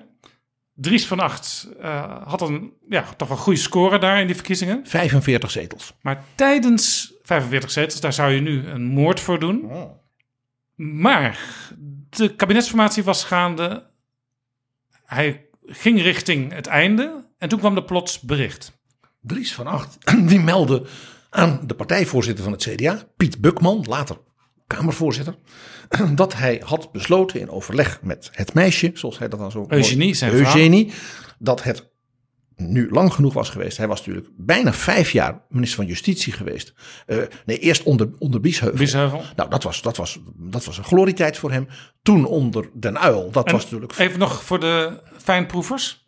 Hij was minister van Justitie en zijn werkkamer op het ministerie van Justitie was de kamer waar nu Sibrand Buma als CDA-fractieleider huist. Want dat gebouw, waar de Tweede Kamer dus tegenwoordig eh, voor een deel zit, was vroeger het ministerie van Justitie. Ja, en die kamer is heel groot. Met prachtige lambriseringen. Een, een juweel uit de 19e eeuw, dat hele gebouw. En het verhaal gaat dat Dries van Acht op zijn fiets oefende in zijn kamer. Want die was zo groot dat hij ook surplus zich kon laten fotograferen. Maar goed, dit terzijde. Prachtig. En dat was wel waarschijnlijk zijn gelukkigste tijd in de politiek. Eh, Als hij terugblikt, dan vindt hij dat een mooie tijd. Hè? Justitie, hij was ook. eh, eh, hij had de studie eh, rechten gedaan. Hij was dus jurist tot in zijn vezels, zou Mark Rutte zeggen. En hij was een zeer vooruitstrevend, vernieuwend jurist. Als minister van Justitie onder Biesheuvel, wat dus een re- centrumrechts kabinet was, was hij de linkse jongen in dat kabinet. Die dus allerlei de, eh, ja, moderniseringen eh, in, in de rechtspraak eh, ook doorvoerde. Ja, later werd Van Acht wel als conservatieve voorman gezien, maar dat was in die tijd zeker niet. Nee, Van Acht heeft altijd, altijd gezegd, ik ben altijd mijzelf gebleven. Alleen de rest van Nederland werd gek en links. Nou, onder Joop den Uyl, dat was natuurlijk moeilijk. Want Joop den Uyl ja, stond natuurlijk geen iemand naast zich. Het idee dat je met respect omgaat met je vicepremier, daar had Joop den Uyl niet zoveel gevoel voor. Had ook geen gevoel voor ja, die, wat zeggen we, rococo kant van, van Dries van Acht. Die, waar, andere, waar heel veel mensen een vreselijke hekel aan hadden. Ik, ga, ik zal het eerlijk toegeven, ik heb daar altijd ongelooflijk van, van die man kunnen Beton met genieten. bloemetjes erop. Ja, en, en, en wat hij allemaal. De bon mots van Van Acht, daar kunnen we een keer een, een hele complete podcast aan wijden. Dat gaan we nu niet doen. Hij stapt dus ineens op omdat zijn vrouw had gezegd: Het is nu genoeg geweest. eh, zoveel jaar op justitie, zeer zwaar waren dat. Met gijzelingen en, en dat soort dingen. Dan premier van drie kabinetten, zeer zwaar. Ja, en wat zei Dries ook alweer? Welke term had hij voor dat opstappen? Ik verdwijn nu in de nevelen van de herfst. Want dat was namelijk oktober ongeveer, novem- november. Wat voor de kranten makkelijk maakte om te schrijven dat hij het politieke bos inging. Ja. Hij overrompelde dus iedereen om te beginnen zijn eigen partijvoorzitter. Want die had met hem de afspraak gemaakt voor de verkiezingen. Je bent lijsttrekker, dan moet je het ook doen. Dan moet je ook premier worden. En als jij zeg maar na twee jaar het zou overdragen aan een ander. Dan begrijp ik het. Dan begrijp ik dat. Maar nu, de kiezer en de partij verwacht dat van je. Piet Bukman die, die schrok zich dus een hoedje. Want er was een afspraak gemaakt met Van Acht over zijn opvolging. En die zag er als volgt uit. Dries van Acht zou dus opnieuw premier worden. Ruud Lubbers, de fractieleider van het CDA, zou of minister van Buitenlandse Zaken worden, of minister van Sociale Zaken, of de politiek verlaten. Let wel, hij zou teruggaan naar het grote bedrijf Hollandia Kloos. En dat laatste was meer omdat Lubbers natuurlijk wel heel ambitieus was. Maar hij dacht, ja, onder Van Acht kom ik misschien toch niet verder. Dus keer ik terug naar het bedrijfsleven. En Van Acht had dus zijn opvolging al geregeld, dacht hij. Want hij zou worden opgevolgd door Jan de Koning, de minister die ongeveer alles kon. En Die is op sociale zaken, op landbouw, ontwikkelingssamenwerking, Antillen. Die man Ja, kon De alles. adviseur ook van Van Acht in moeilijke, op moeilijke momenten. En hij had altijd wijze adviezen. Jan de Koning was de eigenlijke baas van het CDA. De regisseur van de partij op de achtergrond. Die was zo invloedrijk dat een ander premier kon zijn. Eh, Dat was een, een heel bijzonder mens. Nou, dus Dries van Acht had volkomen gelijk dat Jan de Koning een fantastische minister-president zou zijn. En Jan de Koning dacht, fijn, dan word ik minister-president. Nee, helemaal niet. Want hij, Jan de Koning had zoiets van, dat zien we dan wel weer.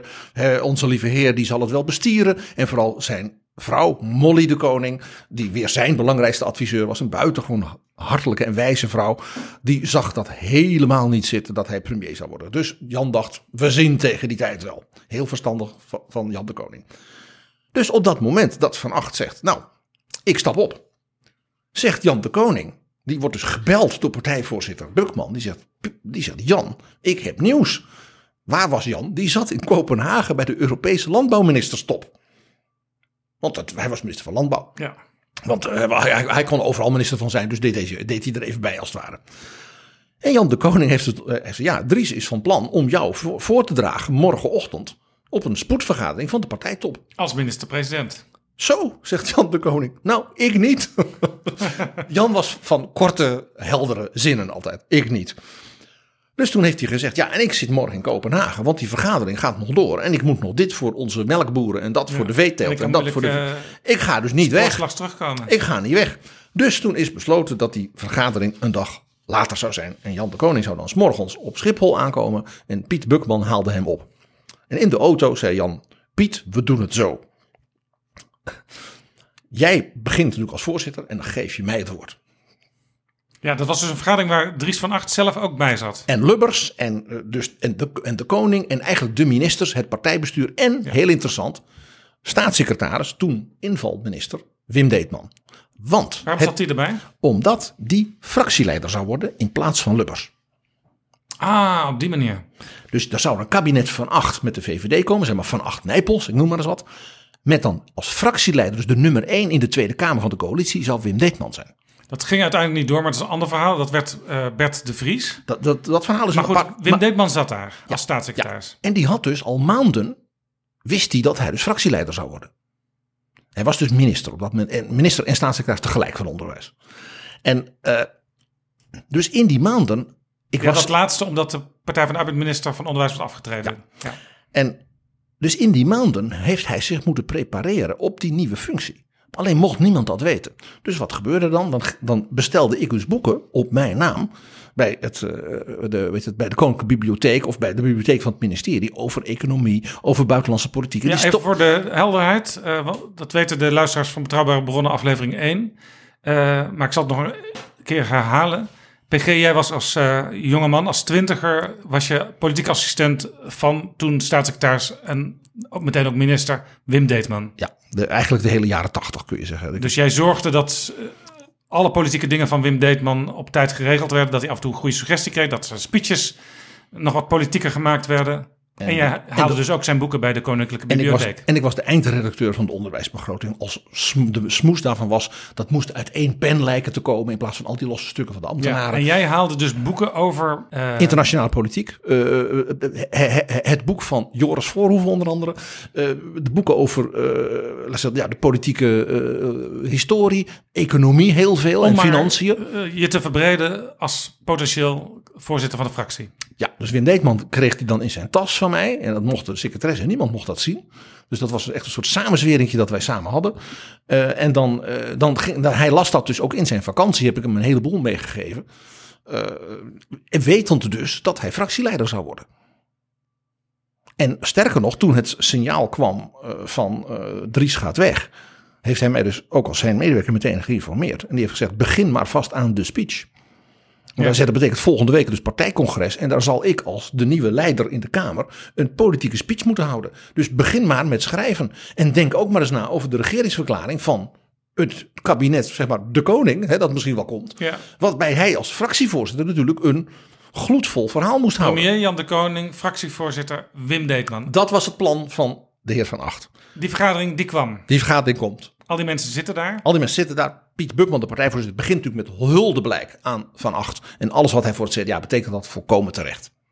En Van Acht knikte moeis- minzaam en dacht nu, Ja, dacht eh, waarschijnlijk ook, ik ga nu opstaan om een woordje terug te zeggen. Exact. Op dat moment steekt Jan de Koning met dat vriendelijke boerenhoofd, die grote boerenhand op. En die zegt: Voorzitter, mag ik een enkele opmerking maken? Natuurlijk mocht hij dat, want hij was natuurlijk de nestor van de ministers en van de daar. En die zegt: Ik vind dat wij onze minister-president, onze lijsttrekker, grote, grote dank en respect verschuldigd zijn. En wij hopen dat het hem goed met hem gaat, met zijn gezondheid, met zijn lieve vrouw. En alles wat hij gedaan heeft, ik heb daar groot, groot respect voor. Ik ben zo vrij een voorstel te doen. En Jan de Koning heeft gezegd, we moeten eensgezind naar de toekomst kijken voor het CDA. Dus ik stel voor dat Ruud Lubbers Dries opvolgt als leider en minister-president. En Van Acht heeft het briefje wat hij in, zijn, in, in het zakje van zijn, van zijn pak had zitten. Met een persverklaring die hij al had gemaakt over de opvolging door Jan de Koning. Er maar in laten zitten. En de onsterfelijke woorden heeft hij ooit tegen mij gezegd. Ik dacht op dat moment, wie ben ik dat ik een zo wijs man zal tegenspreken als Jan de Koning. En zo kan dus de geschiedenis met een paar hele kleine dingetjes een totaal andere loop krijgen. En het was zo onverwacht dat de secretaris van het CDA, dus de man die eigenlijk die hele partij moest organiseren. Ries de- Smits was dat? Ries Smits, de campagneleider, die had dus drie verkiezingen achter elkaar in een jaar moeten doen. Die was doodmoe. Die lag in, zijn, eh, in bed in zijn vakantiehuisje op Ibiza. En er werd geklopt. En zei hij, ja, ja, ja, ja, ik kom eraan. Hij zei, zei, geef toe, ik was aan het uitslapen. Hij zei, en, en onder de deur wordt er een telegram in mijn kamer geduwd. En ik moet het open en een telegram van Piet Bukman met de, met de tekst Dries staat op. Hij zei, daar stond ik in mijn onderbroek in Ibiza en dacht, wat gebeurt er nu? Zo kan de politieke geschiedenis dus soms ook gaan. Prachtverhaal. PG. Nog eventjes naar het nieuws van de afgelopen dagen. Want eh, in de Tweede Kamer moest minister-president Rutte optreden voor de begrotingsbehandeling van Algemene Zaken. En daar komen altijd allerlei wisselwasjes aan de orde. Nou, nou, maar nou. ook dingen Het Koningshuis om te beginnen. zoals het Koningshuis. En eh, de verbouwing van het Binnenhof. Ik weet niet of het eronder valt, maar in ieder geval dingen die elk jaar wel weer terugkomen omdat ze nog in de pijplijn zitten. Ehm, maar wat er ook aankomt is het 400 jaar. eh, is het feit dat het 400 jaar geleden is dat Van Oldenbarneveld op het Binnenhof vermoord werd in opdracht van prins Maurits. Hij werd onthoofd na een rechts rechtsgeding. waarbij dus de minister-president van het land. op last van de prins van Oranje, de stadhouder. onthoofd werd. En dat moest gebeuren op de trappen van de ridderzaal. Beroemde tekening. Waarbij dus de oude Oldenbarneveld met zijn stokje de trap op geholpen wordt, die houten trap, zodat hij zijn hoofd afgehakt zou krijgen. Ik noem het toch maar de moord op Van Oldenbarneveld. Het beroemde gedicht van, van Joost van den Vondel daarover, die een groot aanhanger van, van Oldenbarneveld was. het stokske van Oldenbarneveld. En dat gaat dus niet over de dichter, maar hij doet alsof de dichter dat stokje is. Die, die met hem die trap oploopt en dan eindigt nu stokt en stijft gij nog mijn dichten. Dus hij heeft, je, heeft je niet meer nodig, maar mijn gedichten, mijn poëzie worden nog altijd gesteund, ja, gestokt en gestijfd, dus kracht gegeven door, doordat jij dat land zo goed hebt geleid. En nou is dat volgend jaar 400 jaar geleden. En dan zou je zeggen, oké, 400 jaar geleden gaan we een jubileum doen of zo. Maar er is iets bijzonders aan de hand. Al jaren wordt er gefluisterd dat onder de Eerste Kamer misschien wel eens de beenderen van Van Oldenbarneveld zouden kunnen liggen. Ja, het is een ongelooflijk, ook hier weer, Nederland is toch, als het gaat om onze politieke historie, een buitengewoon land. Tot 1873 stond op het Binnenhof een prachtige middeleeuwse kapel. En in het kader van de restauratie van het Binnenhof en de modernisering van wat nu dus het Eerste Kamergebouw is en het ministerie van Algemene Zaken, heeft men die kapel uit de nou, 12e, 13e eeuw gewoon afgebroken. Want waarom zou je zo'n ding laten staan? Precies, bovendien de Oranjes eh, waren protestant, het was ook een katholieke kapel, dus dat kon ook eigenlijk niet en dat soort dingen. In die kapel was een grafkelder, er is een grafkelder. Want die kapel is weg, maar die grafkelder is er nog. Daarin liggen alle graven en gravinnen van het hertogdom Holland, van het graafschap Holland. Nou ben ik een keertje wezen kijken in de kelder van de Eerste Kamer. En dan kom je niet verder dan een soort houten kast waar, uh, ja, waar spullen liggen. Een soort magazijn is het. Het is dus nog, nog dieper. Nou, uh, dus die, alleen al probeer eens in te denken dat in Frankrijk mensen zeggen: ach ja, die kathedraal van Saint-Denis waar alle koningen begraven liggen, daar zetten we een parkeergarage neer. ja. Alleen Nederland bedenkt zo dit soort dingen. Ja. Maar nou nog mooier. De Staten-Generaal, dus het parlement, was zo boos op uh, prins Maurits, de stadhouder die van Oldenbarneveld had laten onthoofden, dat zij het lijk van Oldenbarneveld dus hebben begraven op het Binnenhof, waar hij dus de heerser was geweest, de premier, ja. de raadspensionaris zoals dat heette, in die kapel. En die kapel was dus precies aan het, dat gedeelte van het gebouw van het Binnenhof waar Maurits woonde. Dus als hij s'morgens wakker werd, dan zag hij dus het graf van Oldenbarneveld voor zijn deur. Hij werd elke dag dus geconfronteerd met zijn wandaad. En met zijn vijand, die hij dus had laten onthoofden. En het parlement, de Staten-Generaal, zo boos waren. Want die waren natuurlijk de steun altijd geweest van Oldenbarneveld. En die, dat, die Staten-Generaal van toen, die wordt nu eigenlijk door Ronald van Raak van de Socialistische Partij uh, vertegenwoordigd. In historische zin. Want Ronald van Raak pleit al jaren voor een onderzoek. En de minister-president Mark Rutte zegt nu... Ik overweeg om dat onderzoek daadwerkelijk te laten plaatsvinden. Want Mark Rutte is iemand met groot gevoel voor de historie en dat soort dingen. Dat is een van zijn mooie eigenschappen. Hij is historicus. Ja, maar daar heeft er ook echt gevoel voor. En die heeft dus nu gezegd: wij gaan dat doen, want er moet toch gegraven worden voor de restauratie. En hij, hij hoopt dus dat volgend jaar, in dat herdenkingsjaar, dat, dat Oldenbarneveld als het ware misschien wel een, een, als het een eervolle herbegrafenis kan krijgen. Dat zou werkelijk bijzonder zijn. En ik vind dat onze minister-president Mark Rutte niet genoeg geprezen kan worden hiervoor. Het is pijnlijk voor de Oranjes, maar dat is dan maar zo. Uh, we zullen maar zeggen dat is het Russisch bloed. Dat zat er blijkbaar toen al in. Uh, uh, maar Oldenbarneveld is natuurlijk de grote staatsman van ons land na Willem van Oranje. Die heeft eigenlijk ook die republiek geleid. Ook naar de overwinning op Spanje. Uh, ook door zijn zeer verstandige diplomatie met andere Europese mogendheden. Het was ook echt een Europees staatsman. En uh, op de Lange Vijverberg, kijkend op het torentje en het Binnenhof, staat dus dat prachtige monument van waar dus die oude vermoeide staatsman die kijkt als het ware over zijn hij werk. Hij zit breed op een stoel en het is ook heel symbolisch natuurlijk. Hè? Aan de overkant van de Hofvijver, hij kijkt in feite naar de plek door de gebouwen van nu de Eerste Kamer Algemene Zaken heen naar de plaats waar hij het loodje legde. Waar hij, dus hij kijkt eigenlijk dus naar zijn graf. Hij kijkt naar de plek waar hij dus voor de trappen van, van de ridderzaal is onthoofd. En de plek natuurlijk waar hij zijn politieke triomfen vierde. Namelijk in die ridderzaal als de premier die dus elke keer weer met wijs beleid en eh, diplomatie, eh, de, de soms wat opvliegende prins Maurits, zullen we maar zeggen, eh, dan toch weer zei: ho, ho, ho, ho, hoogheid, dat kan zo niet. Ja, Ronald van Raak zegt eigenlijk moet dat standbeeld verplaatst worden naar het Binnenhof. Maar ik vind het eigenlijk wel een mooie plek zo waar die nu staat. Ik vind het een mooie plek, maar ik vind het een leuke gedachte van, van, van Ronald van Raak. Bovendien hebben we dan een leeg voetstuk. Dus dan is er meteen een plek voor het standbeeld dat Mark Rutte verdient als, als hij dit voor elkaar krijgt.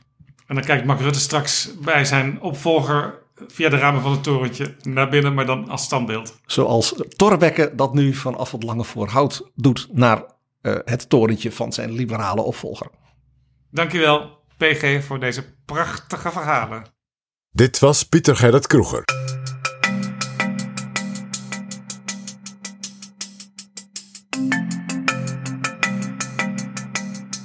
Mijn laatste gast in aflevering 7 van deze podcast is Wiemar Bolhuis. Dit is Jaap Jansen met Betrouwbare Bronnen.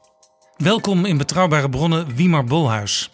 U bent sinds kort plaatsvervangend directeur Sociale Zaken bij de Sociaal-Economische Raad, de SER. Maar ik ken u al wat langer, want u was politiek assistent van een staatssecretaris in het vorige kabinet, Rutte 2. Dat was Jetta Kleinsma op Sociale Zaken en Werkgelegenheid, die nu commissaris van de Koning is in Drenthe. Eerder schreef u al een boek over de unieke Nederlandse traditie dat politieke partijen hun verkiezingsprogramma laten doorrekenen door het Centraal Planbureau. En we gaan het nu hebben over uw proefschrift, waarop u deze week aan de Universiteit Leiden promoveerde. Dat proefschrift heet Van Woord tot Akkoord, een analyse van de partijkeuzes in CPB-doorrekeningen van verkiezingsprogramma's en regeerakkoorden 1986-2017. Dat is een beetje een droge, afstandelijke titel. Maar er is ook een boek van verschenen bij uitgeverij Brooklyn. En dat heeft een heel heldere titel. Elke formatie faalt. Verkiezingsbeloften die nooit worden waargemaakt. Zo. Ja, dat klopt, ja. Ja, ik dacht inderdaad, een wetenschappelijke publicatie heeft niet een al te flitsende naam. Al vind ik van woord tot akkoord nog best een, een leuke. Ehm, maar ik dacht, ja, als je uh, een wetenschappelijk proefschrift van bijna 260 pagina's en 100.000 woorden met heel veel grafieken, als je dat toch een beetje inzichtelijk wil maken voor mensen op straat die stemmen op politici, um, dan moet je er een publieksboekje van maken. En ik dacht, ja, als je een publieksboekje maakt, nou, dan moet ongeveer 100 pagina's zijn. En dan moet een titel hebben waarvan mensen denken, nou, dat zou ik wel eens willen lezen. Dus dat heet Elke formatie faalt. Uh, nou, dat is, uh, leg ik het boekje uit. Het is niet zo dat formaties slagen natuurlijk in Nederland in die zin altijd. Er komt altijd een regering en er staat ook in dat 70, 80 procent van de kiesbeloftes wel wordt waargemaakt. Maar het boekje gaat natuurlijk, want dat vinden mensen leuk om te lezen. Uh, dat is ook de reden volgens mij dat ik hier zit. Uh, uh, gaat over de 20 procent die, die niet wordt waargemaakt. Ja, want het kan mensen bevestigen in het idee dat ze hebben van die politiek, die roept maar wat. die verkopen ons knollen voor citroenen. Want in de kabinetsformatie doen ze toch waar ze zelf zin in hebben. Ja, dat, dat klopt. En ik merk ook dat er een bepaald, uh, bepaalde neiging ontstaat om dat ook meteen inderdaad uh, allemaal te, te, zeggen. Dus ik merk dat in alle gesprekken in media, maar ook gewoon met mensen die ik verteld over een proefschrift, gaat meteen over, zie je wel, het is toch zo dat we altijd voorgelogen worden. En zie je wel, er komt niks van terecht van al die verkiezingsbeloftes. Um, maar ik probeer echt aan te geven in elk interview en in het boek ook heel duidelijk dat een groot gedeelte van de beloftes gewoon wel wordt waargemaakt. En dat we in Nederland in die zin betrouwbare politie hebben, politici hebben. Um, en dat 70% ongeveer de beloftes waargemaakt wordt, dat wordt ook al jarenlang door wetenschappelijk onderzoek uh, bevestigd. Maar als je 70% uit de verkiezingsprogramma's zo terugziet in het regeerakkoord, kun je dan eigenlijk niet gewoon een computer het regeerakkoord laten schrijven? een computer het regeerakkoord laten schrijven. Nee, dat lijkt me, lijkt me wel lastig. Want de afgelopen uh, keer zaten ze echt ongeveer een half jaar aan de verschillende formatietafels te praten. En toen kwam er uiteindelijk een kabinet. Uh, maar dat duurt dus heel lang. En uiteindelijk, we gaan het straks over de grote verschillen hebben tussen de verkiezingsprogramma's en het ja. regeerakkoord. Maar als 70 tot 80 procent wel in het regeerakkoord komt, dan, dan is daar blijkbaar ook een soort van logica. Ja, er zit een bepaalde logica in inderdaad. Maar wat duidelijk zo is, is dat een regeerakkoord niet zomaar een optelsom is van de programma's van de, van de uh, partijen die meedoen aan die kabinetsformatie. Het is, niet, het is echt niet een optelsom. Er zitten hele duidelijke verschillen. eh, eigenlijk eh, structurele verschillen. Ik noem ze af en toe politieke wetmatigheden. Dus blijkbaar elke formatie wordt er op die manier wordt er, eh, politiek draagvlak eh, gecreëerd.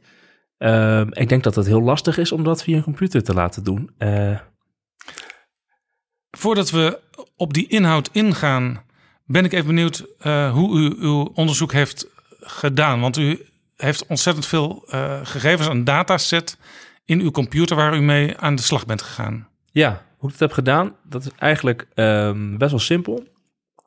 Namelijk, ik realiseerde me ineens dat eh, we in Nederland doorrekeningen hebben van verkiezingsprogramma's en regeerakkoorden. Dat wist ik al wat langer, maar... Doorrekeningen zijn dus van het Centraal Planbureau. Ja, dat is, zijn de rekenmeesters.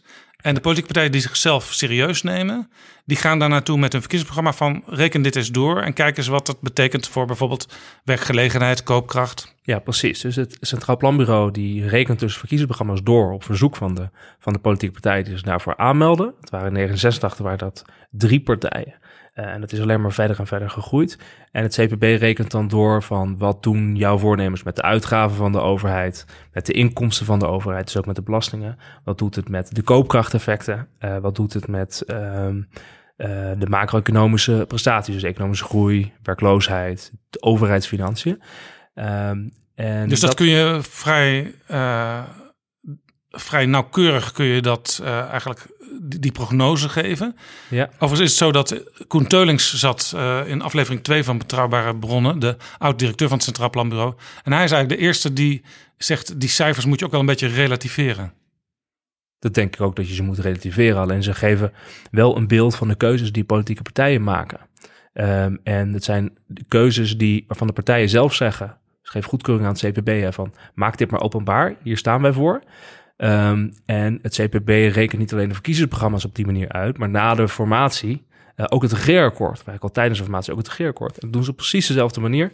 En opnieuw zeggen dan, dan de, de, voor, de, de partijen die met de formatie bezig zijn, zeggen dan opnieuw, wij geven goedkeuring, dit wordt openbaar. Ja, en beide Dus keren gebeurt het ook zo dat een partij levert dus de spullen in bij het CPB.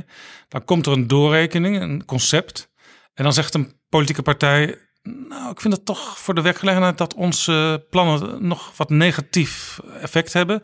Dus we gaan nog wat aan onze plannen sleutelen en dan komen ze nog een keer terug naar het Centraal Planbureau en dan komt het definitieve plan eruit. En dat geldt voor de kabinetsformatie hetzelfde, hè? want in de laatste twee weken van de formatie, dan zie je ook altijd dat er nog weer extra heen en weer wordt gegaan tussen het Centraal Planbureau en die formatietafel. Ja, je ziet dus dat partijen proberen een beetje te optimaliseren, die uitkomsten, want worden, worden publiek.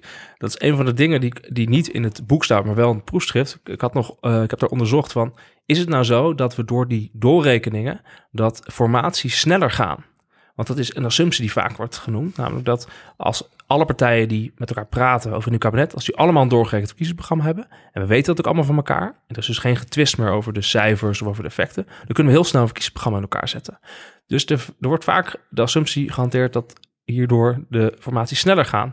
Ik heb dus dat na zitten zoeken. En het blijkt dus dat de, de, de formatieperiode, de laatste formatieperiode, dus met de laatste informateur, die is sinds de introductie van die doorrekeningen, eh, dus afgelopen 30 jaar, is twee keer zo lang als, als daarvoor. Ja, dus, in ieder geval geen positief effect Nou, in, de, in de tijd. eh, qua tijd niet. Dus je ziet inderdaad dat er, dat er dus eh, een soort eh, onderhandelingskosten optreden. Eh, en die vraag is dus, de vraag is van, eh, zijn het inderdaad ambtelijke kosten? Dat lijkt er wel op, hè? Ambtenaren die opnieuw voorstellen moeten doorrekenen. Er moet geoptimaliseerd worden. Er moet opnieuw naar de koopkrachtplaatjes gekeken worden. En misschien ook politieke kosten, omdat je nu eh, politici die aan, daar aan tafel zitten, die gaan reageren op de, de, de, doorrekeningen die, die gemaakt zijn. Ja, er is zelfs in de afgelopen kabinetsformatie eh, een moment geweest, twee of drie weken, dat eh, de deelnemers vakantie namen. Mhm. En toen werd er gezegd, ja, dan kan ondertussen het Centraal Planbureau de berekeningen maken. Ja, precies, precies. Dat is ook een teken, van, dat zie ik dus ook terug. Dat dus die laatste fase, dat dat eh, juist langer is gaan duren sinds de introductie van de, van de, van de doorrekening. Eh, het voordeel van de doorrekening is waarschijnlijk dat je nu wel in ieder geval weet dat regeerakkoorden in die zin uitvoerbaar zijn en dat ze uitgewerkt zijn. Dus ze kunnen meteen ingepast worden in een begroting. Je weet wat de economische effecten zijn. Dus in die zin is natuurlijk de, de kwaliteit zeg maar, van, de, van de kabinetsformatie waarschijnlijk hoger dan hiervoor. Alleen is misschien de, de, de, de efficiency of doelmatigheid is misschien eh, wat minder. Maar, maar de kwaliteit is natuurlijk wel, eh, wel duidelijk hoger. En wat je net zei, van het zijn de, de serieuze partijen die hun verkiezingsprogramma's laten doorrekenen. Dat, eh, dat blijkt ook uit het, uit het onderzoek. Staat opnieuw in het proefschrift, niet in het boekje. Maar Ehm, sinds 1986 hebben er eh 33 partijen meegedaan aan de formatie. Op enige wijze. Ook aangeschoven en weer, weer zichzelf eh, weer, weer uit de formatie verwijderd, zeg maar. Omdat ze geen overeenstemming konden bereiken. Ehm, en van die 33 partijen hadden 32 partijen een doorrekening van een verkiezingsprogramma gemaakt. Eh, inclusief de PVV in, eh, in 2010. Als we die even als, als formatiepartij Ja. noemen, het was natuurlijk gedoogsteun. Ehm, dus er is maar één partij het niet had. Ik denk dat jij weet welke dat is. Help me even. De LPF. Ah, de LPF ja. was toen zo groot en opeens zo'n machtsfactor dat hij dus mee mocht gaan doen aan de formatie terwijl ze geen CPB-doorrekening hadden. Want eigenlijk altijd is dat een soort van, ja, niet formele vereisten, maar een soort informele vereisten van je wordt Weten we serieus trouwens genomen. hoe Pim Fortuyn dacht over die CPB-doorrekening? Had hij daar opvattingen over? Dat, dat weet ik niet, dat weet ik niet. Maar het is wel interessant dat als je dit weet, als je denkt van, oké, je mag dus blijkbaar meedoen met de formatie, alleen als je een doorrekening hebt, dan kan je, hè, als je een beetje je ticket eh, daar- daar naartoe. Dat betekent dus eigenlijk dat partijen die, ehm, die dus niet met de doorrekening meedoen, bewust, eigenlijk in ieder geval zeg maar een beetje informeel, eigenlijk zeggen van, wij, wij, wij zijn geen serieuze Nou ja, eh, afgelopen verkiezingen hadden we dat, toch dat A4'tje van, eh, van Geert Wilders. Ja, nou, je had natuurlijk een aantal partijen, dus 50 plus wilde niet. Ehm, je, had je hebt het toch ook gemerkt, hè, 50 plus toen met de AOW-discussie. Ja, die kwamen meteen in de problemen. En die moesten ook in de haast een persconferentie beleggen. Toen er zelfs intern in die partij wat oneenigheid was over de speerpunten over het ouderenbeleid. Ja, precies, precies. Eh, en wat nog veel interessanter was, is dat daarna eh 50 plus eh, met een, eh, een doorgerekend plan kwam voor die AOW-plan. hè? En dat ze daar dus CPB-cijfers voor gebruikt. Ze hadden zelf CPB-cijfers op elkaar gepakt en daar een, plan van gemaakt. Dus achteraf gebruikten ze alsnog de CPB, het CPB-stempel om goedkeuring te krijgen voor die plannen, om betrouwbaarheid uit te stralen. Ehm, maar je ziet zo ook inderdaad, de PVV deed de vorige keer ineens niet meer mee. Terwijl ze in 2010, 2012 wel meededen. Ja, 2017 nou ja, niet. een A4'tje kun je natuurlijk ook, moeilijk doorrekenen. Want daar staan een paar grove cijfers op. 20 miljoen of Ja, 200 miljoen maar- voor dat. Of... Dat klopt, maar je kan de verkiezingsprogramma's van partijen in het algemeen ook niet doorrekenen. Eh, dat zegt het CPB al jaren. Van de, de, de verkiezingsprogramma's eh, zijn, bevatten te weinig body, te weinig duidelijke punten. Eigenlijk gewoon te weinig inhoud om eh, doorgerekend te kunnen worden door het Centraal Planbureau. Dus de, de partijen die moeten daarna wel, via financieel specialisten, ehm, aanvullende informatie, aanvullende informatie geven. Het komische is Ehm, ook dat soms in de doorrekening ineens nieuwe plannen staan die helemaal niet in het verkiezingsprogramma stonden. Omdat het CPB wil weten hoe op dat punt gedacht wordt door die partij. Eh, dat klopt, dat klopt. Ja, ik, ik heb het eh, ehm, in het proefschrift heb ik bijvoorbeeld bekeken van ehm, wat doet nou de, de financiële bijlage van de verkiezingsprogramma's? De financiële bijlage van de verkiezingsprogramma's, die was in 1986 was dat gemiddeld, bij weet je, de gevestigde partijen was dat eh, vijf pagina's. Ehm, en dat is dus nu, de afgelopen twee verkiezingen, is dat eh, gemiddeld volgens mij één pagina geworden. Dus je ziet dat, dat is wel interessant, dat dus de, de financiële bijlagen van de verkiezingsprogramma's, dat die enorm aan het afnemen zijn. En dan kan je twee kanten op redeneren. Ik weet niet wat de waar is, hoor, maar het is in ieder geval een interessant gegeven. Eén, de partijen laten het nu één keer echt goed doorrekenen door het Centraal Planbureau. Ja, dus ze, ze, ze zijn zelf wat terughoudend. Want Ja. ze zeggen we gaan toch nog met ons water naar de dokter Ja. en dan zien we het echt. Of twee, wat je eigenlijk net zegt. Ja, je wilt niet dat straks uit je Centraal Planbureau doorrekening iets anders komt dan wat je in de financiële bijlagen van je verkiezingsprogramma had laten staan. Had, had neergezet. Ja, dat- Als dat gebeurt, heb je de inconsistentie tussen verkiezingsprogramma dus dat en betekent doorrekening. eigenlijk dat, dat die partijen hun eigen rekenmeesters, dus de partijrekenmeesters, niet helemaal vertrouwen vergeleken met die van het CPB. Nou, het is een politiek risico. Je neemt een politiek risico op het moment dat je je programma, eh, als je zelf een hele financiële economische bijlage doet en vervolgens zegt het CPB van ja, het, het klopt toch niet. Dat is een, eh, een neerwaarts risico vervolgens als dat naar buiten komt. Dus je ziet dat, eh, dus dat is mijn interpretatie, maar je ziet dat partijen toch proberen dat risico te minimaliseren door steeds minder eh, financieel-economische kerngetallen in hun, in hun eigen verkiezingsprogramma te, te zetten. Het geeft ze een beetje, het geeft ze de, de vrijheid, de handen de vrij om dingen in te vullen. Er staan nu alleen zinnen in als we houden ons aan de begrotingsregels van Brussel, we willen een lastenverlichting, dat soort zaken staan erin. Terwijl in 1986 had je enorme, eh, en ook de jaren na, enorm lange budgettaire lijsten met dit zijn onze maatregelen. Zoveel levert het op, zoveel kost het. Eh, dat is allemaal weg. We gaan zo nog e- even terug naar uw eh, werkmethode bij dit onderzoek. Maar een van de dingen die mij altijd fascineert bij de Centraal Planbureau doorrekeningen is dat de Partij van de Arbeid u bent zelf, ja, u heeft zelf voor Jetta Kleinsma gewerkt. U gaat er dus vanuit, en dat weet ik ook wel, dat u lid bent van de Partij van de Ja, daar Arbeid. kunt u vanuit gaan. Ja. Ehm, Partij van de Arbeid, de naam zegt het al, arbeid. Mhm. Scoort vaak best wel slecht op eh, werkgelegenheidseffecten in dat eh, Centraal Planbureau, in die, in die doorrekening. Hoe Ja, dat was dat? in de eerste jaren was dat dus helemaal niet zo. Dus je ziet dat, ehm, dat bijvoorbeeld eh, in de jaren tachtig, dat toen gaf het CPB nog allerlei positieve werkgelegenheidseffecten, best wel hoog aan, al, ja, aan, aan deeltijdwerken, aan eh, subsidies op, eh, op banen, eh, noem het allemaal maar op. En in de loop van tijd, omdat de economische kennis zich voortging, ehm, is dat steeds minder, steeds minder positief uitgepakt. Is dat dan in het rekenmodel veranderd? Ja, in het rekenmodel. Dus de modellen van het CPB zijn gewoon aangepast. Ehm, en je merkt dat dan, nou, dat er toen eh, dingen kwamen als dat je de, de uitkeringen moest verlagen, werkte beter, eh lastendruk verlagen. Dus dan moet je een kleinere overheid hebben. En je merkt dat linkse partijen daar toch wat meer, eh, tot, tot, toch Ja, wat dus- lastiger vinden dus, dan de dus, rechtse dus partijen. CPB beloont eigenlijk eh, rechtse stellingname, zou je kunnen zeggen. Eh, Lagere lasten, eh, lagere uitkeringen. Nou, het CPB beloont economische maatregelen die volgens economische kennis tot meer werkgelegenheid leiden. En die vinden blijkbaar rechtspartijen makkelijker om te nemen. Zeg ik het zo goed? Maar dan krijg je dus op zo'n dag dat die doorrekeningen er zijn, dan is er altijd een persconferentie waar alle partijen Ja. eh, naar grootte één voor één langskomen.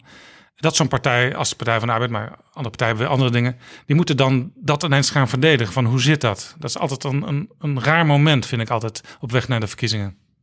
Waarom is dat een raar moment? Nou ja, dan, dan zijn er dus best wel een aantal zwarte bladzijden, ook voor elke partij, van hey, dit komt toch eigenlijk minder goed uit die doorrekeningen dan jullie waarschijnlijk zelf bedacht hadden. Ja, dat klopt. Ja, dat klopt. Ja, het CPB zegt ook van die doorrekeningen zijn vooral om te laten zien dat er afruilen zijn. Dus op het moment dat jij kiest om bijvoorbeeld uitkeringen te verlagen, dan zal het een effect hebben op, eh, op, de, op, de, komt er meer arbeidsaanbod eh, op lange termijn. Dus weer meer werkgelegenheid. Maar het nadeel zal bijvoorbeeld zijn dat de inkomensongelijkheid toe zal nemen. Dus daarvoor heeft bijvoorbeeld het CPB bij de laatste doorrekenronde, doen ze ook de, wat ze noemen de Gini-coëfficiënt, dus de, de maat voor inkomensongelijkheid. Dan zie je dus dat er een afruil eh, bestaat. Ehm, en zo probeert het CPB dat, dat hele tijd te laten zien. Ja. Ja, Alexander Pechtold, die afgelopen week afscheid nam als D66-leider, die heeft een keer gezegd, naar aanleiding van de kabinetsformatie, het deel waar GroenLinks aan tafel zat, dat toen niet alleen eh, eh, Jesse Klaver en Katelijne Buitenweg aan tafel zaten, maar ook de hele tijd eh, Gini. Gini. Ja, Gini zat aan tafel. Ja, dat klopt. Dat was natuurlijk in 2000, het laatste doorrekenen was natuurlijk interessant. Dat, dat dus de partijen uit de evaluatie, of in de evaluatie van, van de keuze kaart, dat is de naam van de doorrekening verkiezingsprogramma's, naar aanleiding van de evaluatie in 2012 hadden gezegd van ja, we missen ook een maat voor inkomensgelijkheid of ongelijkheid op lange termijn. Toen is de Gini erin eh, gekomen. Ja, dat ging meteen een rol spelen. eh, inderdaad, ik hoorde ook dat er bij de, de, de, de maar het is ook eh, dat bij de kabinetsformatie, dat de Gini daar ook een rol had gespeeld. Hè, van dat Ja. partijen uiteindelijk een, een financieel-economisch kader wilden waar de Gini in ieder geval niet in de min ging. Eh, dus dan zie je wel dat die, die parameters, ja, die worden natuurlijk, ja, die, die worden natuurlijk ook belangrijk voor politici die Ja. keuzes maken. Nog even terug naar de methode hoe u eh, tot uw onderzoek kwam. U heeft dus al die gegevens van het Centraal Planbureau, al die doorrekeningen van zowel die verkiezingsprogramma's als van die eh, kabinetsformaties. Ja, dus die zijn allemaal openbaar. Hè? Dus eh, het zijn gewoon, die kan je opvragen bij het Centraal Planbureau. eh kan je in de biep krijgen bij het Centraal Planbureau. Of staan online. En daar kan je dus een hele grote dataset van maken. Dus wat ik heb gedaan, ik heb gewoon al de doorrekeningen gepakt. alle cijfers, vooral cijfers, eh, overgetikt in een, eh, Excel-sheet. Dus geen algemene woorden of zinnen. Cijfers en toen bekeken van in hoeverre kan je nou vanaf 1986 tot en met 2017 bepaalde cijfers door de tijd vergelijken. Ehm, ehm, dus kan je langere reeksen maken, zeg maar, die ook nog eh, betrouwbaar zijn. Dus eh, lange reeksen, niet al te veel onderbrekingen erin. En ook dat je dus qua definitie door de tijd ook eh, op orde bent. Ehm, en dus eh, gekeken of je alles kan standaardiseren. Want je hebt meer problemen. Hè? Bijvoorbeeld in 1986 waren de doorrekeningen in guldens. Ja. En nu zijn ze in euro's. Nou, dat is een, een verschil. De economie is gegroeid, dus je gaat in percentage van de economie rekenen. Dus dat soort omzettingen moet je allemaal maken. Maar het begint gewoon met alles overtikken. Ja, dus dat, dat is eigenlijk een, een monnikenwerk in Dat is een, een monnikenwerk, een echte monnikenwerk. En ehm, ja. En eh, waarschijnlijk denk je ook af en toe van, heb ik niet nog iets vergeten hier in deze tabel? Ja, dat heb ik heel, heel vaak gedacht. Dat denk ik eigenlijk nog steeds. dus, dus ik kan me ook niet, ik kan me ook, ja, dat u weet dat er in zulke, zulke grote tabellen met zulke koppelingen, dat, eh, dat, eh, ik ga ervan uit, want het is heel vaak gecheckt. Ik heb het heel veel, ook, ook met CPB overlegd, dus er ook naar gekeken. Dus ik ga vanuit dat het allemaal klopt. Ja. Eh, ja. En het CPB heeft eh, u, u bijgestaan, althans u kon van het CPB alle medewerking krijgen. Ja. Maar het CPB maakt traditioneel geen vergelijking hè, tussen de verkiezingsprogramma's en de uitkomst van de kabinetsformatie. Nee. Dit is de eerste keer dat het gebeurt.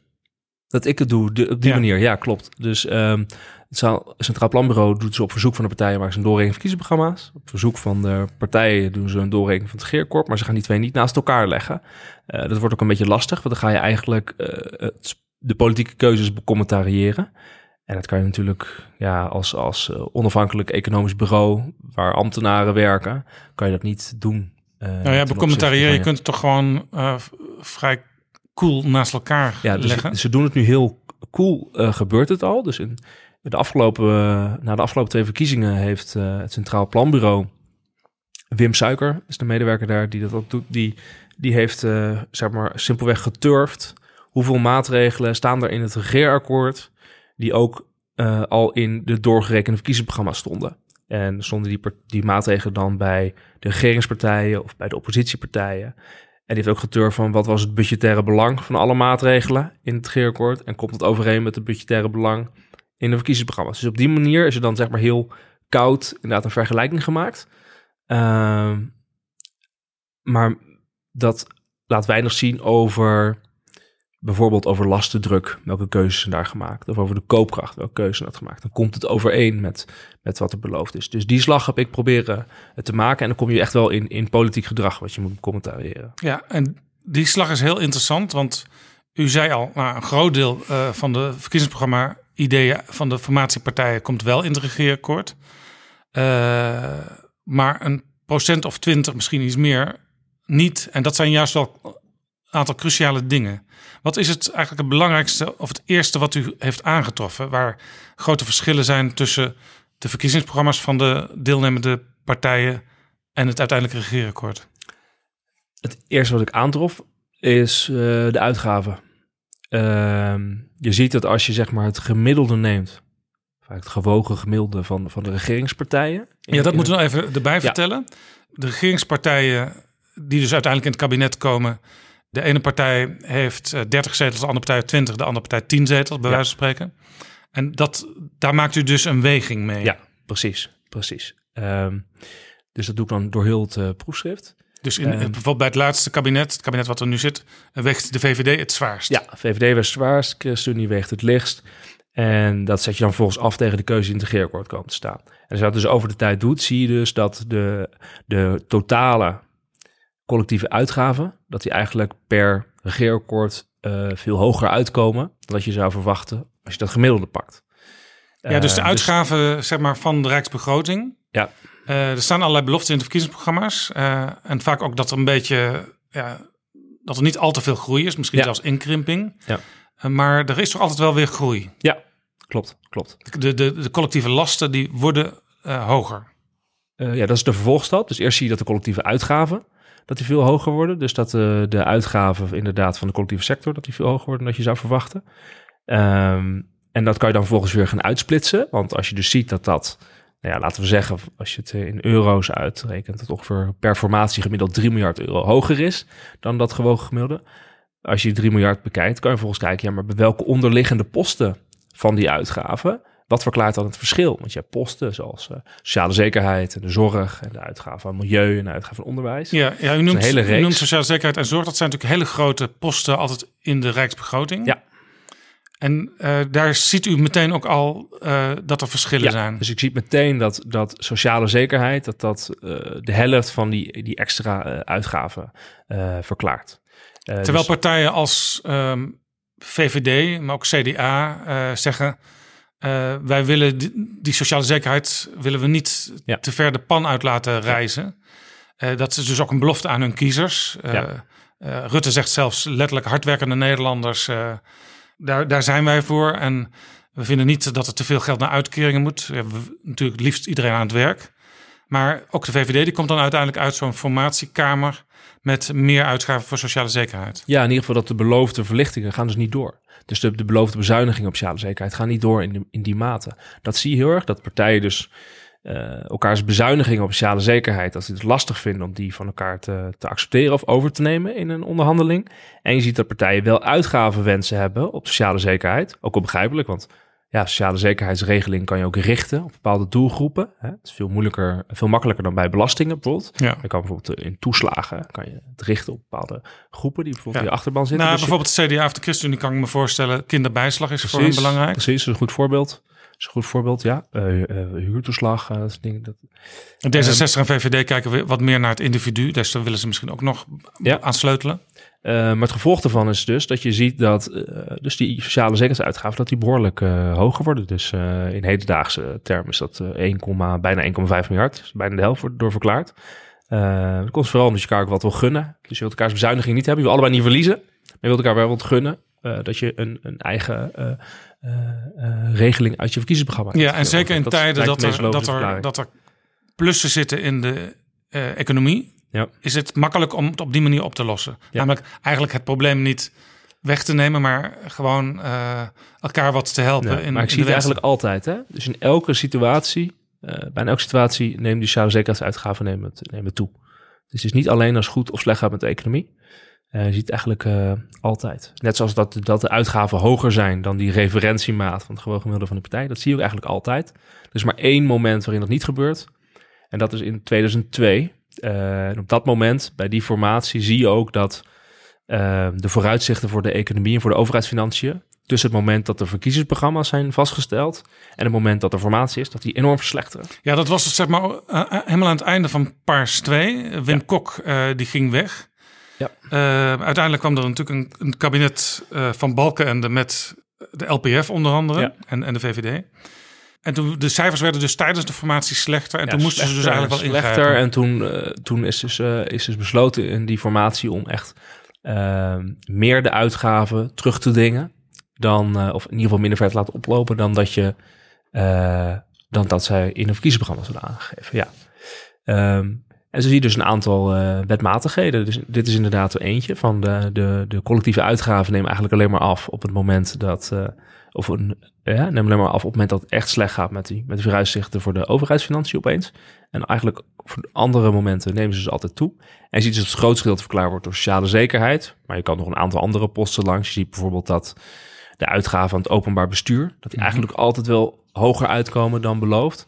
En- Openbaar bestuur, dat is ambtenaren. ja, precies. En dat komt omdat daar vaak, eh, er zit natuurlijk eh, geld aan. eh, geld voor ambtenaren, arbeidsvoorwaarden ambtenaren. Ook geld naar gemeentegraad, naar provinciesgraad. Eh, en het is een hele ehm, ja, wel populaire maatregel of belofte in de verkiezingsprogramma's om te bezuinigen op ambtenaren. Ja, En s- die- en alle partijen zeggen daar wel dingen over. En niet alleen rechtspartijen, maar ook linkspartijen zeggen tegenwoordig... de overheid moet kleiner, althans misschien niet de uitgaven... maar wel het aantal ambtenaren. De bureaucratie moet minder. Bijvoorbeeld de SP zegt dat altijd als het over de zorg gaat. Ja, precies. Eh, dat is dan zorg, dat zijn de zorguitgaven. Maar dit gaat dan echt over de, de, de rijksambtenaren. De mensen in de ministeries. ambtenaren in de ministeries, in de provinciehuizen, bij de gemeentes. Ehm, en je ziet dus dat er altijd belofte wordt gedaan om die uitgaven flink terug te, te dringen.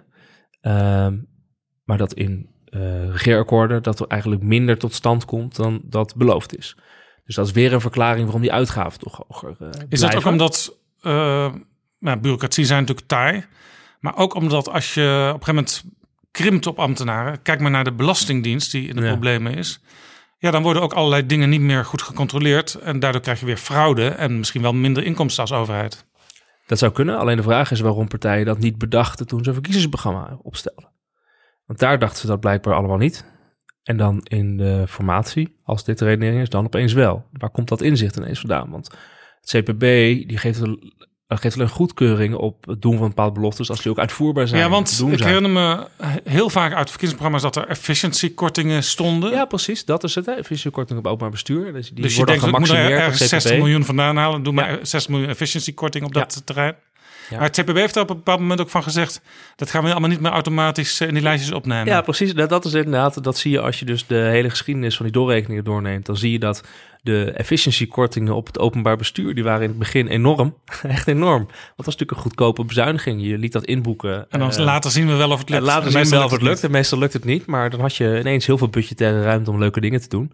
En het CPB zei ook na een tijdje van ja, dit is eigenlijk op basis van onze ervaringen, op basis van kennis, zijn dit zulke bezuinigingen die, die mag je niet meer inboeken. Dus dat bedrag is ook gemaximeerd. En je ziet dus ook dat die bedragen eh, aan het afnemen zijn eh, door de tijd. Maar dan alsnog zie je dus in de regeerakkoorden dat het niet gehaald wordt, die bedragen. Eh, dus dat is, hè, dat is dus er. eh, Want in de regeerakkoorden staan ze toch weer, zijn de bedragen toch weer groter dan eigenlijk mag? groter. Eh, we hadden het net over dat de sociale zekerheid ongeveer 1,45 miljard hoger uitkwam. En bij eh, de openbaar bestuur gaat het om 600 miljoen. Eh 650 miljoen ongeveer eh, per formatie meer dan je zou verwachten op basis van de verkiezingsprogramma's. Hetzelfde geldt voor de zorguitgaven. Dus ongeveer dezelfde tendens. Dat er toch in regeerakkoorden minder wordt omgebogen op de zorg. Dan dat, je, dan dat het gewoon gemiddelde van de, van de partijen laat zien.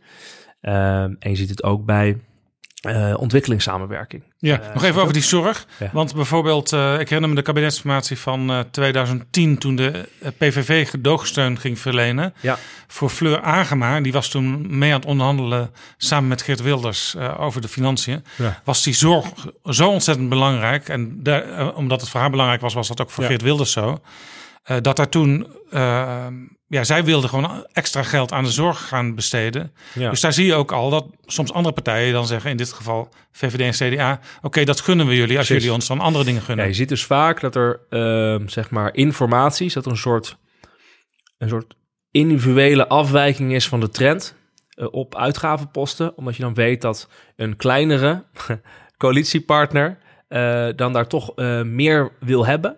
Ehm, om te laten zien van ik heb wat binnengehaald in deze formatie. Ja, dat ze, dus hadden het op een gegeven moment ook over de Agema-gelden. Ja. En later, toen de PVV niet meer eh gedoogde, toen waren die Agema-gelden ineens verdwenen. En toen, eh, klaagde, toen hoorde je Fleur Agema ook klagen, waar zijn die Agema-gelden gebleven? Ja, precies, precies. Ja, precies. Dat is inderdaad wat je dan, eh, wat je dan ziet. Dus je ziet dat de PVV toen op zorg die zin heel veel binnen had, had gehaald. Maar je ziet het bijvoorbeeld, ChristenUnie haalt bijvoorbeeld vaak als ze meedoen veel binnen op defensie. Dat is ook een, eh, Ja. een duidelijk voorbeeld. Eh, dus dat een kleinere partij dat die echt wel wat, eh, wat binnen kan halen. Ja. Je ziet ook in de geschiedenis van die doorrekeningen dat vooral de ChristenUnie en de SGP, dat die ex- echt extra geld willen voor defensie. Veel meer trouwens dan de VVD, als je naar de berekening kijkt. Ehm, dus het is heel begrijpelijk dat dan de, SGP deze motie in, Ja. in mag dienen. En interessant bij En de, bij de ChristenUnie, die zijn natuurlijk, die, die partij is zowel rechts als links in Mhm. zichzelf verenigd. Eh, Je zou kunnen zeggen rechts als het dan gaat over defensie, maar links als het gaat over ontwikkelingssamenwerking. Ja, precies. Eh, want daar vindt u ook dat er uiteindelijk vaak meer toch weer wordt uitgegeven voor ontwikkelingssamenwerking dan in de gewogen verkiezingsprogramma's. Ja, je ziet vooral inderdaad in de afgelopen, eh, eigenlijk sinds, eh, sinds de kabinetten Rutte, zie je dat de VVD ehm, en dan ook de PVV in 2010, dat die behoorlijke standpunt innemen van er moet heel veel minder geld. Ja, ja de VVD is bijna afschaffing van eh Ja. En ontwikkelingssamenwerking. dat, dat is dan, eh, dan weet je eigenlijk van tevoren van dat is ook een deel een campagne eh, verhaal. Dus gebruikt echt de doorrekening als campagnedocument. En je weet dan dat in de formatie dat dan de, de, de, de progressieve of de midden of de linkse partij, hoe je ze wil noemen, die willen dat absoluut niet. En die halen dus ook onevenredig veel binnen. Ja, want dat is- dat, dat zie is- je bij de D66, bij ChristenUnie, PvdA. Ja, in drie achtereenvolgende formaties. 2010 heeft het CDA ervoor gezorgd dat er meer naar ontwikkelingssamenwerking ging. Dat was dat kabinet met VVD en PVV. Ja. 2012 VVD Partij van de Arbeid kabinet, Partij van de Arbeid ervoor gezorgd. En het kabinet wat er nu zit, 2017, eh, inderdaad de ChristenUnie en ook D66 hebben daarvoor precies. gezorgd. Precies, ja. ja. Je ziet dat weer, dat is weer zo'n soort symbool hè, van, een, eh, van een, eh, een coalitiegenoot die wil daar echt een goede score binnenhalen om te kunnen laten zien aan de achterban. We hebben wat binnengehaald, net zoals we net over hadden, PVV heeft dat had het op zorg, ChristenUnie op defensie. En dan kan de VVD in dit geval ook zeggen... ehm, Er wordt bezuinigd. Natuurlijk, wij hadden het anders in ons eh, programma staan. Ja. Maar ja, we gunnen in dit geval Precies. D66, ChristenUnie ook wat. Precies, ja. Net zoals andere partijen, bij wijze van spreken, de VVD de dividendbelastingafschaffing in het regeerakkoord gunden.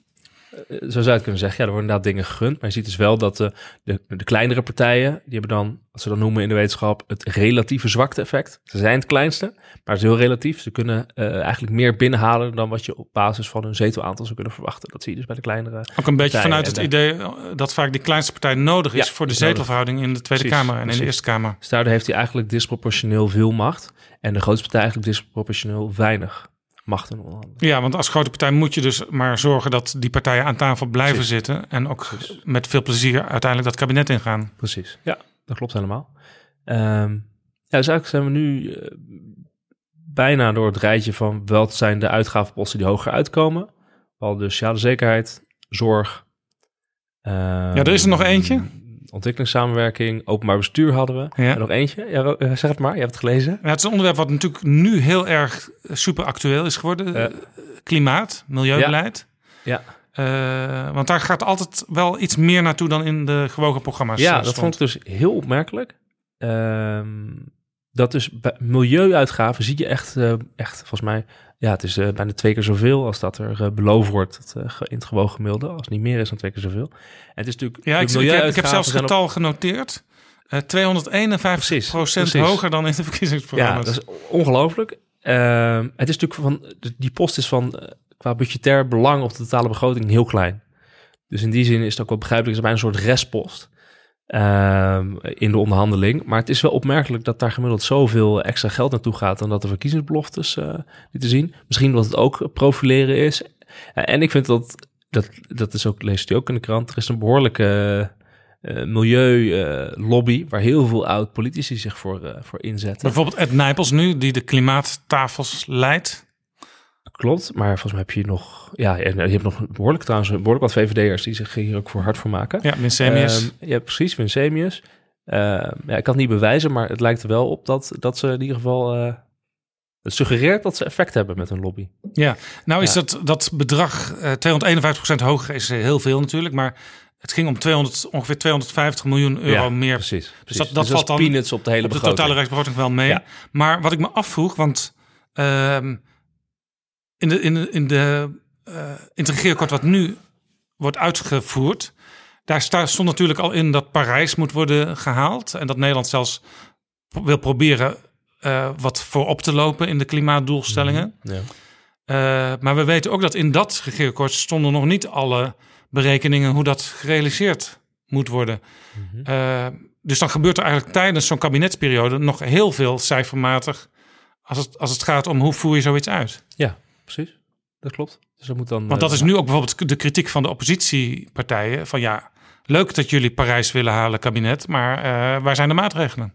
Ja, en wie gaat het betalen? Dat is natuurlijk ook nog niet vastgelegd. In een regeerakkoord is dat vastgelegd. Als je in de doorrekening, dat is leidend voor wat geef je uit en wie betaalt het. En dat is natuurlijk voor de klimaatplannen van dit kabinet nog niet, eh, nog niet duidelijk. Nee. Nee, dus er komen ook nog dat, maar dat kan me voorstellen dat dat in zo'n onderzoek niet meegenomen kan worden. Tijdens een kabinetsperiode gebeuren natuurlijk ook allerlei dingen. Hè? Ja, precies. Natuurlijk, tijdens de kabinetsperiode gebeuren ook allemaal dingen. En in mijn onderzoek natuurlijk, ik onderzoek alleen de relatie tussen verkiezingsprogramma's en regeerakkoorden. Ja. Dus dat betekent dat, dat ik twee dingen ook duidelijk niet onderzoek. Namelijk de stap van gewone verkiezingsprogramma's naar doorgerekende regeerakkoorden. Daar heb ik het net een beetje over gehad. Alle verschillen die daartussen zitten, die zie ik niet met mijn onderzoek. Ik zie dan vervolgens wel de relatie tussen doorgerekende verkiezingsprogramma's en doorgerekende regeerakkoorden die politici zelf openbaren. Maar ik zie, of de goedkeuring geven dat ze deze openbaart. Maar ik zie vervolgens niet of dat beleid in de regeerakkoorden komt staan, of het ook daadwerkelijk uitgevoerd eh, wordt. Dat, dat, dat kan ik ook niet zien. Ja, je weet en- wel uit onderzoek dat, Ja. dat de meerderheid van, van eh, maatregelen in een regeerakkoord dat het uitgevoerd wordt. En er zijn soms natuurlijk hele cruciale momenten tijdens kabinetsperiode. Bijvoorbeeld als de meerderheid verdwijnt in een van de kamers.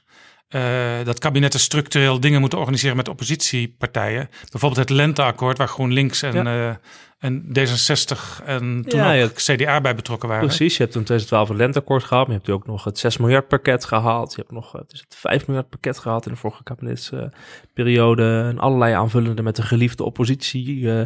Eh eh, was het woningmarktakkoord. Ja. eh, de- En misschien heb je dan in een, in een volgend eh, regeerakkoord wat minder plus of min nodig bij bepaalde posten, omdat dat Ja. al de vorige, tussentijds geregeld is. Ja, dat zou kunnen, ja. Dat zou kunnen. Dat zou kunnen, ja. Ja. Ja. En dit waren allemaal posten die u noemde: sociale zekerheid, openbaar bestuur, zorg, eh, ontwikkelingssamenwerking, milieu. waar dus eh, structureel, en dat maakt eigenlijk niet zoveel uit wat de samenstelling van het kabinet was, meer geld werd uitgegeven dan in de verkiezingsprogramma's. gemiddeld werd gaat er meer geld beloofd. in, ja. Eh, maar er is ook een post waar u heeft gezien dat structureel minder budget in het regeerakkoord komt. Ja. Welke, is dat? Onderwijs. Onderwijs. Onderwijs, ja. Zo belangrijk onderwijs, Eh, roept dat- iedereen dus altijd. Dat, dat Er zijn dus- zelfs partijen die zich onderwijspartijen noemen. Ja, dat zie je dus ook in de, in de doorrekeningen terug. Dus je ziet bijvoorbeeld dat eh, D66 en GroenLinks in de doorgerekende verkiezingsprogramma's heel duidelijk voorop lopen met extra uitgaven van onderwijs. Ehm, maar je ziet dat hier eh, gemiddeld toch die uitgavenstijgingen wat achterblijven bij, eh, bij wat er beloofd werd in de verkiezingsprogramma's tijdens eh, in, in de regeringen of in de, in de regeerakkoorden. Eh, het gaat dan uiteindelijk om een bedrag van, laten we zeggen, 600 miljoen, wat het minder naartoe gaat dan dat, je, dat die referentiemaat zegt. Nou, dat is best, best een bedrag. Ja. 600 miljoen. Ja, dat is best een bedrag. Dus dat vond ik een heel opmerkelijk, dat het de enige post is in mijn... Hè, want we hebben bijvoorbeeld ook nog de post uitgaven aan defensie, de post uitgaven aan infrastructuur. En dat zijn posten waar ik dus geen verschillen op zie. Dus die bestaan ook. Eh, maar dit is de enige post die gemiddeld eh, lager uitkomt. Dat wel Terwijl, opmerkelijk. Wel. terwijl als argeloos burger zou je het idee kunnen hebben dat de laatste jaren juist onderwijs veel meer in het zonnetje is komen te staan.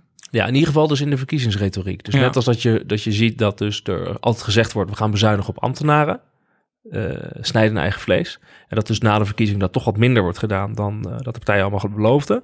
Zo zie je dat dus eh, blijkbaar bij onderwijs ook. Dat, dat er dus veel beloofd wordt, maar het vervolgens niet wordt waargemaakt. En misschien ook omdat er wordt gezegd... ja, we zitten wel in de plus en we hoeven niet zoveel als dat we daadwerkelijk hebben beloofd met elkaar. En er zijn dus ook andere posten die meer geld kosten blijkbaar. Hè? Sociale zekerheid, zorg. eh, dus misschien dat die twee overwegingen ervoor zorgen van, dat je toch wat minder uittrekt. Ja, we hadden in ehm, Betrouwbare Bronnen aflevering 4 eh, PG Kroeger, die sprak over D66 als onderwijspartij. En zijn stelling was dat dat eigenlijk wel, eh, wel meeviel bij D66. Want een aantal keren hebben ze niet gekozen voor een minister van Onderwijs, terwijl ze dat volgens hem wel hadden kunnen doen. Eh, maar het blijkt dus ook waar D66 invloed had, dat het eigenlijk wel tegenviel met meer geld voor onderwijs. Behalve in de afgelopen formatie, daar is wel bij, echt structureel bij geplust. Afgelopen formatie kwam duidelijk hoger Want uit. daar zegt eh, D66 zelf over. Die hebben uw eh, proefschrift en uw boek ook gelezen. En zie maar, nu, nu regeert D66 echt mee en nu gaat het onderwijs echt vooruit. Ja, ik zag twee voorspelbare reacties op mijn tijdlijn verschijnen. Op Eén Twitter? was, ja, op Twitter. Eén was inderdaad dat ik al wist, D66'ers gaan zeggen... kijk, dit kabinet regelen wij wel dat er meer geld is. Eh, ik snap die, die, die, die neiging. Ik denk dat als ik D66 was, dat ik dat ook zou doen. Ehm, tegelijkertijd, volgens mij veronachtzaam je dan wel twee dingen. Of in ieder geval, je zou ze erbij moeten vertellen. Namelijk één, dat er bij deze kabinetsformatie ineens heel veel extra budgettaire ruimte was. Op alle terreinen? Op alle terreinen. Omdat de vooruitzichten zo enorm verbeterden eh, als het gaat om het overheidssaldo. Eh, je ziet op, meerdere terreinen dat er meer geld is uitgegeven dan, dan je zou verwachten op basis van verkiezingsprogramma's. Dus ook bij onderwijs. Dus budgetair was het makkelijker. En twee, wel natuurlijk de hele PO in actiestakingen. Die je bij al die andere eh, formaties niet hebt gehad. Dus er was ook veel breder draagvlak, veel bredere wens om nu geld aan onderwijs uit te geven. Dus ik, ik snap eh, de, het, het gejuich op, op, op Twitter, maar het is niet het, niet het hele verhaal, denk ik. Overigens zie je dat iedereen zijn eigen dingen eruit haalt.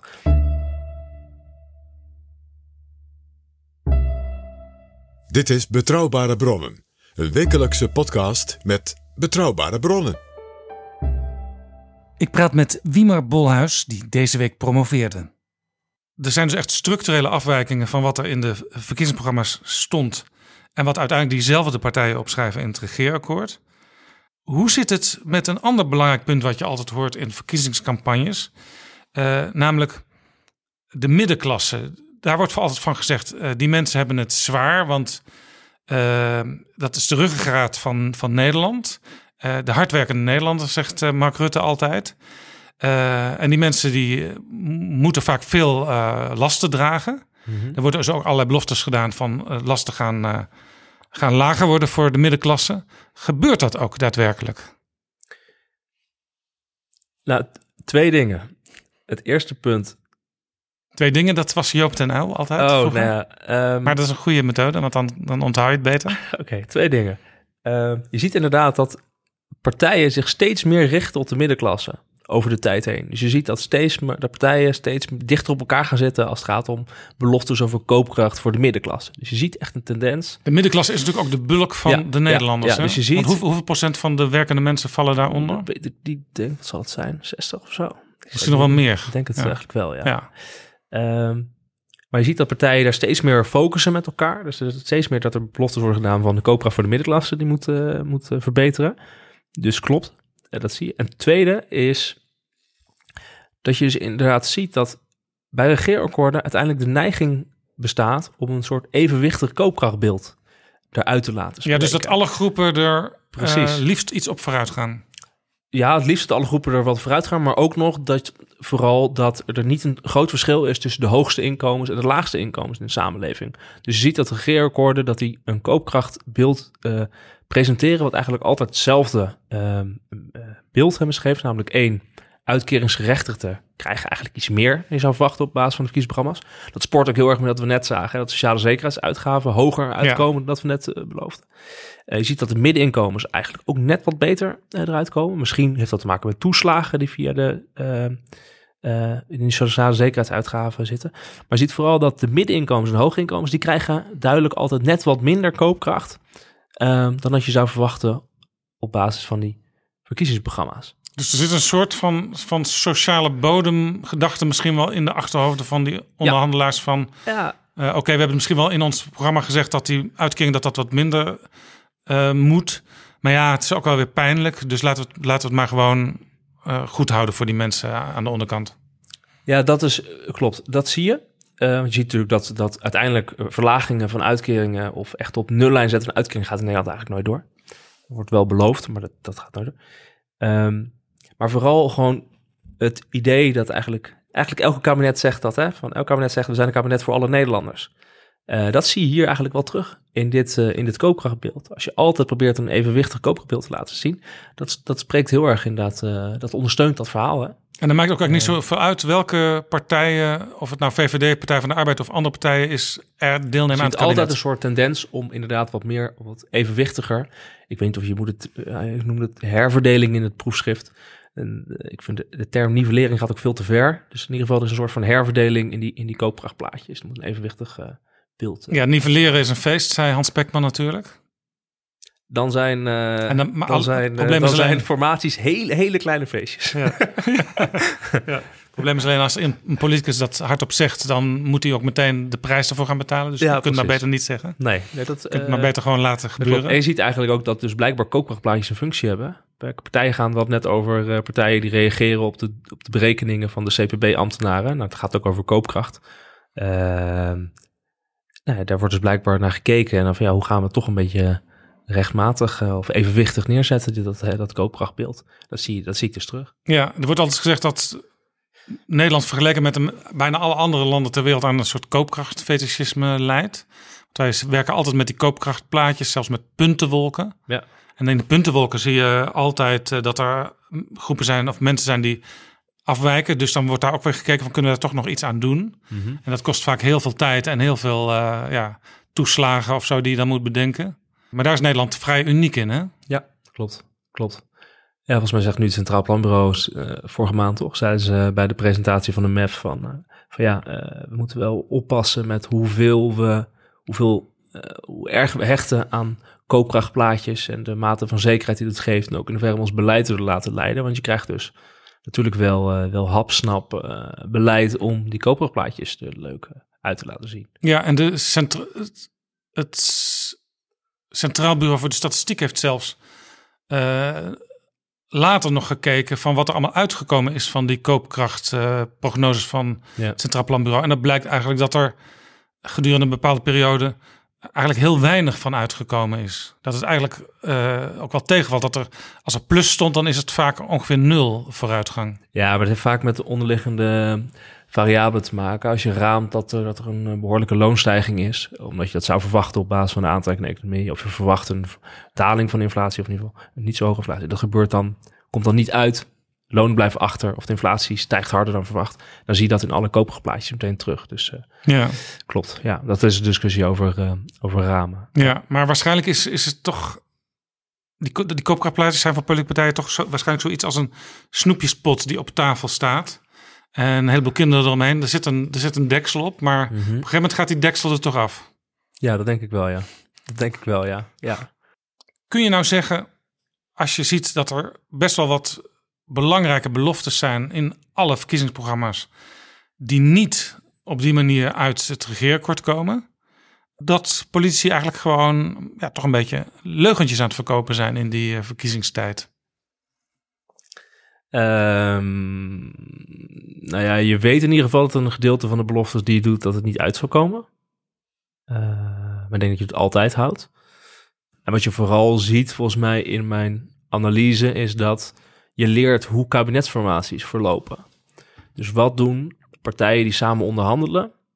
Welke stappen nemen die om politiek draagvlak te krijgen voor hun eh, regeerakkoord? Ja, want het interessante natuurlijk van kabinetsformaties is dat we er heel weinig van weten. Het is een Ja. black box. Ja, er zijn een paar kamers waar ze zitten. Eh, de journalisten, ik heb daar ook vaak gestaan, die staan dan soms uren te wachten, omdat je weet op een bepaald moment komen ze naar buiten. En dat kan nu zijn, maar het kan ook over twee uur zijn. En dan komen ze naar buiten en dan krijg je alleen maar een paar loze quotes toegeworpen. En dan mag je weer naar je redactie toe om eh, dat in de krant te zetten of op de radio of televisie Ja. uit te zenden. Ja. Maar we weten er heel weinig van, van hoe het gaat, zo'n proces. Ja, en doordat je, wat ik nu doe, de doorrekening van de verkiezingsprogramma's, de uitkomsten ervan, afzet tegen de uitkomsten van de doorgerekende regeerakkoorden, kan je beredeneren van oké, dit was de startpunt, dit is het eindpunt. Wat is nou in die black box gebeurd dat we, dat we dit regeerakkoord hebben? En als je dan blijkbaar ziet dat het altijd zo is, dat de overheidsuitgaven toch hoger uitkomen dan beloofd, dan zie je dus dat partijen proberen via die uitgavenkant elkaar eh, dingen te gunnen, om toch bezuinigingen van elkaar eh, te vetoen, ehm, om bepaalde doelgroepen te bereiken. En je ziet dus dat, daar komen zo op, dat de lasten van de overheid, de belastingen, altijd ook hoger uitkomen dan eh, dat je zou verwachten. En dat het vooral wordt opgebracht door de, door de burgers, niet door de bedrijven. En je ziet dat in de koopkrachtplaatjes blijkbaar toch een behoefte bestaat om, die, eh, om dat evenwichtige koopkrachtbeeld eruit te laten Ja. komen. Dus blijkbaar zijn dat stappen die je nodig hebt om tot een regeerakkoord te komen, tot politiek draagvlak voor een regeerakkoord. En je ziet dat partijen dan toch wel de neiging hebben om iets mindere economische prestaties voor lief te nemen. In de zin van de, de economische ontwikkeling komt, de geraamde economische ontwikkeling door het CPB komt bij regeerakkoorden toch vaak net ietsje lager uit dan je zou Ja. verwachten op basis van de verkiezingsprogramma's. En de geraamde werkloosheid komt toch ietsje hoger uit dan je zou verwachten op basis Ja, van de dus als je, zeg maar- overheidssaldo precies hetzelfde. Ja. Het overheidssaldo is ietsje verslechterd, Ja. ietsje meer dan je zou verwachten op basis van Dus als je bij wijze van spreken met studenten eh, een werkgroep maakt tijdens een kabinetsformatie van oké, deze vier partijen zitten nu aan tafel in de formatie. Ja. Dit zijn hun verkiezingsprogramma's. Schrijven jullie maar het regeerakkoord, dan kunnen die studenten dat doen, maar die kunnen nu ook op basis van uw bevindingen, eh, waar een aantal structurele afwijkingen dus zitten Ja. tussen de programma's en het regeerakkoord, Ja. er nog een soort plus of min aan toevoegen, waardoor je een betere prognose krijgt van wat er uiteindelijk uit zo'n formatie precies. rolt. Precies, ja. Ik ben dus heel benieuwd of je als je dit eh proefschrift pakt en er komt een nieuwe formatie in 2021, of je dan op basis van de verkiezingsprogramma's die er dan zijn van de doorgerekende partijen die aan de formatietafel zitten, van op basis van die doorgegeven verkiezingsprogramma's en de proefschrift kan beredeneren wat er nou eh, uit de formatie gaat komen, wat er in het regeerakkoord komt te staan. Er staan een aantal duidelijke regels in. Iets hogere uitgaven, gemiddeld 3 miljard. Hogere lasten, gemiddeld 2,9 miljard. Dus een overheidssaldo wat dan iets verslechtert. Eh, je ziet dat dus eh, die lasten... Terwijl vooral- politici in tijden dat het economisch weer goed gaat, altijd zeggen: eh, we gaan natuurlijk werken aan een overheidssaldo wat verbetert. Hè? Dat is dat de financiën dat structureel beter voorstaan. Ja, precies. Maar ze, ze komen dan toch vaak uit op een overheidssaldo wat eh, toch minder positief is dan dat ze in de verkiezingsprogramma's eh, beloven. En als het positiever is, komt het door de, de, de verbeterde economie en niet zozeer door Ja, beleidsmatige een ingrepen van de, Ja. ja. dus niet door de beleidsmatige ingrepen van Ja. politie. Want dat, ik onderzoek alleen beleidsmatige eh, eh, daden en beloftes. Dus alles Ja. wat, wat Waar we het nog niet over gehad hebben en waar u deze week eh, de voorpagina van NRC Handelsblad mee haalde, was uw bevinding dat er worden altijd lastenverlichtingen beloofd in campagnes. Hè? U gaat minder belasting betalen of andere lasten. Ehm, dat gebeurt dan vaak ook wel, maar in veel mindere mate bij de burgers dan beloofd. Maar de bedrijven, die gaan wel minder lasten eh, dragen, is uw bevinding. Ja. Dus er zit een bias ten positieve van het bedrijfsleven. Ja. En het komt minder goed uit voor de gewone burgers. Ja, ik zou hem precies andersom zeggen. Dat je vooral ziet dat eh, de, de bias vooral in die zin nadelig is voor de lasten van de, van de burgers. Mhm. hè? Dus ik, je ziet dus bijvoorbeeld dat...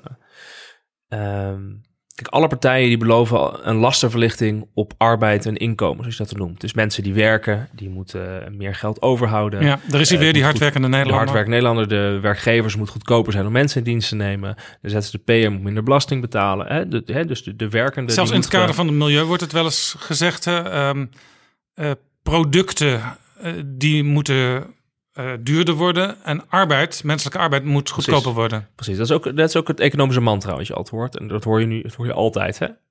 Last op Dus in die zin omlaag. is het wel logisch dat je bij wijze van spreken de BTW verhoogt, want dat zit op producten. Ja. Eh, maar ja, dan moet je dus wel de, de, de, de loonkosten verlagen. Ja, precies. Dus, ehm, dus je ziet dus ook dat partijen dat in doorrekeningen in- van een verkiezingsprogramma ook altijd zeggen: van we gaan de last op arbeid verlagen. Dat heeft twee goede effecten. Namelijk één, je krijgt betere werkgelegenheidsscores. Want eh, goedkopere arbeid Ja. is meer werk. En twee, ehm, je krijgt betere koopkrachtplaatjes. Want lage lasten is meer besteedbaar inkomen. Dus dat heeft twee hele goede effecten voor de, voor de, voor de doorgerekende verkiezingsprogramma's. Het probleem zijn dat je in de regeerakkoorden ziet dat ehm, de lasten op arbeid en inkomen ruim 3 miljard, maar bijna 3,5 miljard, ehm, ehm, minder verlicht worden dan beloofd. Dat heeft ermee te maken dat die uitgaven zoveel hoger waren, hè, 3 miljard hoger. Nou, dan moet je ook de lasten verhogen. En dat gebeurt dus vooral door dus lastenverlichting op arbeid is, niet door te laten gaan. En dat komt dus eh, eigenlijk bij- bijna vooral voor, voor de rekening van de burgers. Dus die lastenverlichting die gaan die zin dan niet door. En u schrijft ook ergens in uw boek dat dat ook een beetje geholpen wordt, die aanpak, doordat, kijk, lasten, als je, echt, je lasten echt verlicht worden, dan merk je dat.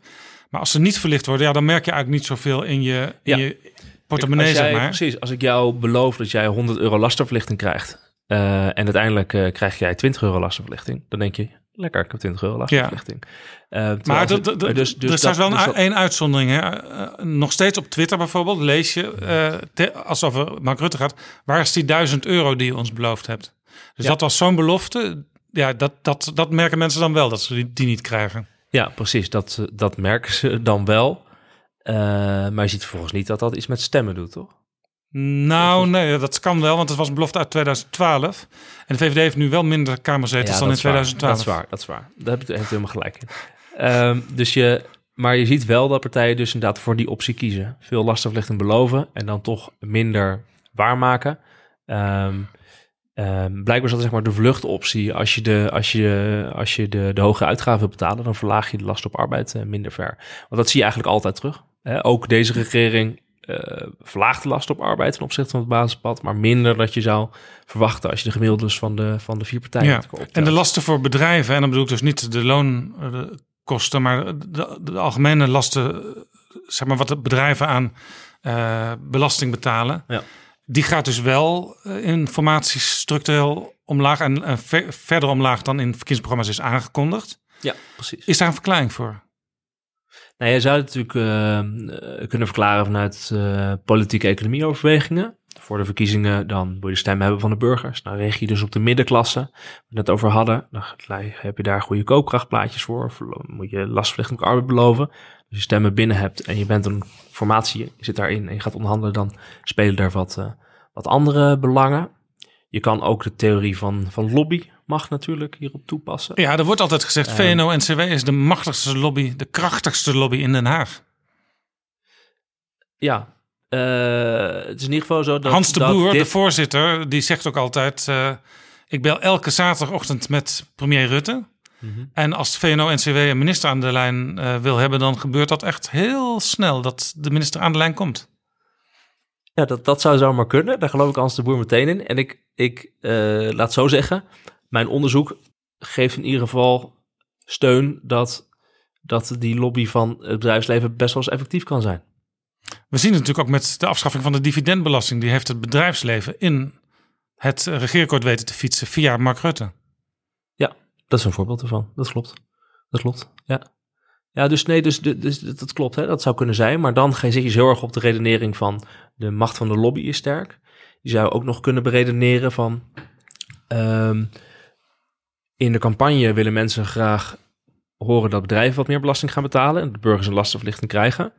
Dat stel je dan ook voor. Dat zie je ook eigenlijk wel terug in de cijfers... dat bedrijven nog vaak wat meer belasting moeten betalen. Ehm, en dan na de verkiezingen, ja, dan, dan een lastenverhoging voor het bedrijfsleven is uit te leggen. Dus laten we toch een verlichting doen. Eh, of in ieder geval minder sterke verhoging. Dus je ziet inderdaad dat daar wel een verschil tussen is. Want die lasten op arbeid en inkomen, die gaan dus inderdaad niet zo ver omlaag als dat je zou verwachten. Maar je ziet vervolgens dat de lasten op milieuvervuiling, die blijven iets achter. Een paar honderd miljoen. Hm. Zo'n brokkel eh, eh, Maar- post, maar- kapitaal en winst, precies Ja. hetzelfde. Ja. Dat zijn natuurlijk dingen die inderdaad bij bedrijven terechtkomen. Ja, en ehm, u schrijft ook ergens in uw boek dat de ehm, verhouding tussen mensen die wel of niet ehm, vermogen hebben eh, in Nederland, die, het verschil in die verhouding is heel groot, net als Ja. in de Verenigde Staten. En bijna eh, Nederland en de Verenigde Staten lopen echt voorop in eigenlijk die ja, scheve verhouding tussen mensen met vermogen en mensen zonder vermogen. Ja. Ehm, maar deze lastenverlichting voor het bedrijfsleven, die werkt dus in het voordeel van mensen met vermogen. Want mensen met vermogen hebben vaak ook veel aandelen. Precies, dat klopt. Dat, eh, dat, zou je op, zou je in zijn algemeenheid kunnen verwachten. Ja, dat is het interessante waar ik dus achter kom van de beloftes van, van partijen als het gaat om uh, lastdruk op arbeid en inkomen. Die zijn in die zin, eh, die zie je ook wel terugkomen dat dat in de regeerakkoord wordt gedaan. Alleen een veel minder hoog niveau. Dus dat scheelt meer dan 3 miljard. Uh, wordt het toch minder uh, lasten verlicht. En je ziet dat de beloftes op kapitaal en winst en de beloftes op uh, de lastendruk voor het bedrijfsleven. Het is super lastig om een eenduidige relatie te vinden tussen de beloftes en wat er in het regeerakkoord komt te staan. Je ziet dat dat of enorm afhangt per formatie. Dat ineens de, de, kapitaal en winst er heel veel extra wordt belast dan dat je zou verwachten op basis van het gewoonmiddel. Of heel veel minder. Um, en hetzelfde bij de lastendruk voor bedrijfsleven zie je ook dat, dat, ja, dat, dat, dat, het, uh, eigenlijk dat er een negatieve correlatie is. In de zin van dat, dat er wordt gezegd van we gaan verhogen, maar in het regeerakkoord dan toch net verlagen. Dat zie je wel terug, ja. Dus dat is lastig. Uh, ja. lastig Zou je niet een groot maatschappelijk compromis kunnen sluiten uh, tussen de bedrijven en de burgers? Want er is één ding waar ze allebei volgens mij belang bij hebben. Dat zijn die loonkosten.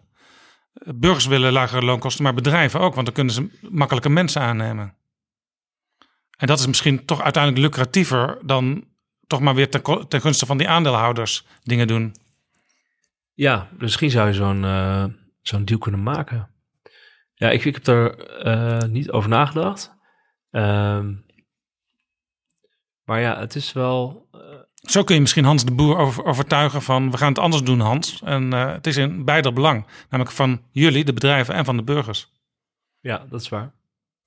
Dat is waar. Ja, ik, ik, ik denk dat dat zou kunnen. Kijk, de, op zelfde lasten op arbeid en inkomen zit ook uh, lasten op arbeid zit voor een gedeelte inderdaad bij de werknemers en voor een gedeelte bij de werkgevers. Dus je zou daar uh, aan twee kanten plezier van moeten hebben. Ja. Het is overigens wel zo dat ook in reactie op uw proefschrift al mensen van VNO hebben gezegd. Dat zeggen ze natuurlijk altijd. Die lagere lasten voor het bedrijfsleven leiden tot betere economische prestaties van de BV Nederland. Ja, dat is ook een hele begrijpelijke reactie. En dat klinkt ook misschien wel aannemelijk. Alleen ik zie dus in de doorrekening van de regeerakkoorden leiden gewoon niet tot betere economische groei of tot meer, minder werkloosheid of tot betere uh, overheidsfinanciënscores dan, dan de doorgerekende verkiezingsprogramma's. Dus het is niet zo, of het zit misschien niet in het model, maar in ieder geval VNO-NCW die, die roept het. Uh, en wat VNO-NCW roept klopt dus niet altijd. Uh, wat zij roepen komt in ieder geval niet overeen met wat het CPB berekent, wat het, wat het regeerakkoord gaat doen. Er is één dingetje waar ik tot slot ook nog even graag iets over wil weten. Uh, want uh, elke keer als er een econoom bij mij aan tafel zit, dan hebben we het daarover. Ik heb het er met Koen Teulings uh, over gehad in Betrouwbare Bronnen. Ik heb het er met Bas Jacobs over gehad. trouwens ook met Jeroen Dijsselbloem. Maar die verdedigde waarom toch dingen soms anders gaan dan ze zouden moeten gaan. Teulings en Jacobs zeggen allebei... gaat het goed met de economie... dan moet je als overheid een beetje interen of op de rem trappen en gaat het slecht met de economie, dan kun je juist wat stimuleren. Want eh, dat is uiteindelijk voor de uitkomst het beste.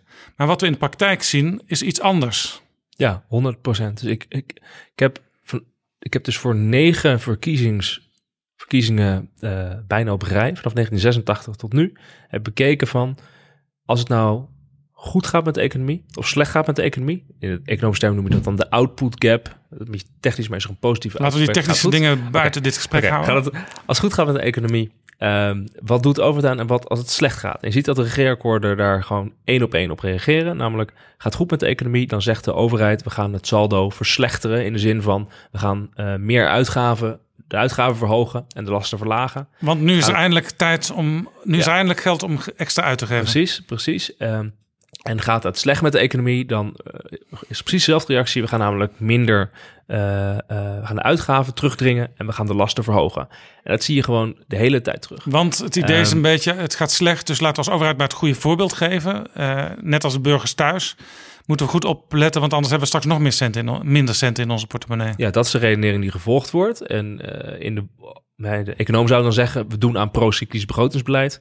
Gaat het slecht met de economie, dan doen we, dan zijn we restrictief. Dan gaan we verkrappen wat Ja. de overheid eh, zeg maar in de economie stopt. Waardoor je het in Gaat- feite verslechtert, Ja. zeggen mensen als Koen Teulings en Bas Jacobs. En in tijden van eh, economische groei is het niet nodig, want het gaat al goed. Ja, en dan gaan we dus expansief begrotingsbeleid voeren. Dus dat betekent, eh, de overheid gaat nog meer geld in de economie stoppen. Terwijl je beter wat geld opzij kan leggen voor slechte tijden. Ja, dat zou de economische theorie zou het inderdaad zeggen. En het mooiste voorbeeld hiervan vind ik eigenlijk de 2002-formatie. Als je kijkt naar de verkiezingsprogramma's eh, van eh, CDA en VVD daar. Ja, LPF Die- deed ook mee. LPF deed mee, maar dat is niet doorgerekend. Dus je moet daar uitgaan van CDA en VVD. Ehm, dan hadden zij, omdat zij toen ze de verkiezingsprogramma's vaststelden, ging het nog goed met de economie. Toen hadden zij eh, extra uitgaven en lastenverlichting. Dus hadden die zin een expansief begrotingsbeleid voorgesteld. Wat normaal is, want dat doe je altijd in hoge conjunctuur als politicus. Vervolgens ging het dus heel slecht met de economie. Eh, en in de formatie bleek dus dat de overheidsfinanciën er slechter voor stonden. En je ziet dus dat toen op dat moment het regeerakkoord ineens restrictief was. Eh, de collectieve uitgaven werden verlaagd en de lasten werden verhoogd. Dus zij volgden hun eh, eigen verkiezingsprogramma's niet meer, omdat ze dus reageerden op die verslechtering eh, van, de, van de vooruitzichten Ja. voor de overheidsfinanciën. En dat is een enorm sterk fenomeen, dat zie ik ook in de proefschrift terug. Ehm, ehm, de economische situatie werkt enorm door ehm, op de keuzes die gemaakt worden in het regeerakkoord. Namelijk zien plotseling een verslechtering van de economie en de overheidsfinanciën. Dan gaan we dus geld bezuinigen, dan gaan we lasten verhogen. Gaat het ineens heel goed, dan gaan we ineens extra geld uitgeven. Ja. Ehm, en de lasten verlichten. Dat zie je gewoon altijd. En Wopke Hoekstra was op Prinsjesdag eh, en ook bij zijn begrotingsbehandeling heel trots op eh, de cijfers die hij kon presenteren. Het gaat goed met Nederland, het gaat ook weer goed met de overheidsfinanciën. Maar u zegt, eigenlijk zou je toch een ander beleid moeten voeren op zo'n moment dat het weer beter gaat. Vanuit economisch oogpunt zou je een ander beleid moeten voeren. Vanuit politiek oogpunt snap ik het wel. Dus met andere woorden, hoe vaak economen dat ook roepen, op basis van echt alle theorieën die in alle boeken bijna eh, goed opgeschreven zijn, ook in uw proefschrift weer. Eh, politiek zal het toch niet gauw doen. Ik kan me dat inderdaad eh, niet voorstellen als we al vanaf, eh, volgens mij, ik, heb, ken studies vanaf 1950 tot met nu 2017, waarin de overheid wordt beschuldigd van eh procyclisch begrotingsbeleid. Er wordt gezegd, eh, laten we eens een keer anticyclisch gaan werken. En dat, dat gebeurt dan vervolgens eigenlijk nooit. En het is wel zo dat de, de, het moment waarop altijd geroepen wordt van we moeten eigenlijk naar anticyclisch begrotingsbeleid.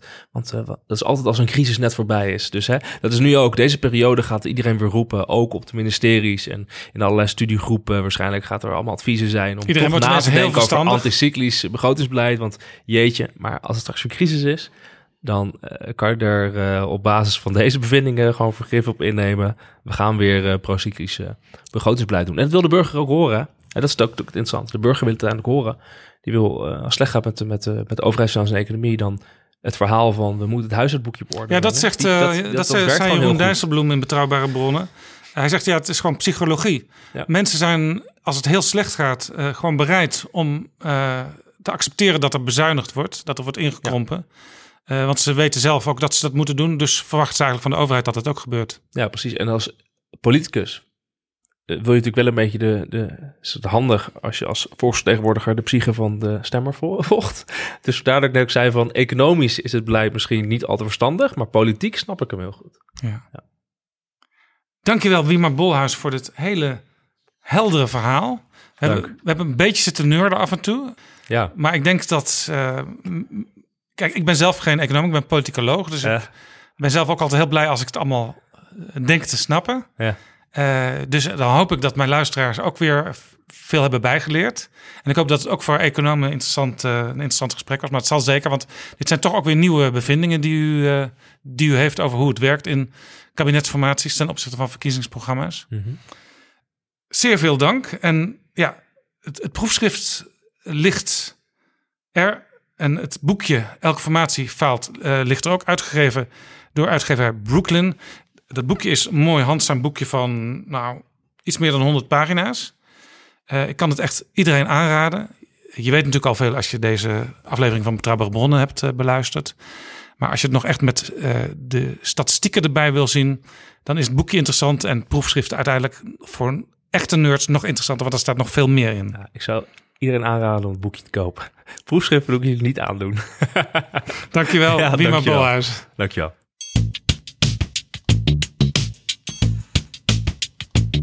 Zo, dit was Betrouwbare Bronnen aflevering 7. Ik ben benieuwd wat je ervan vond.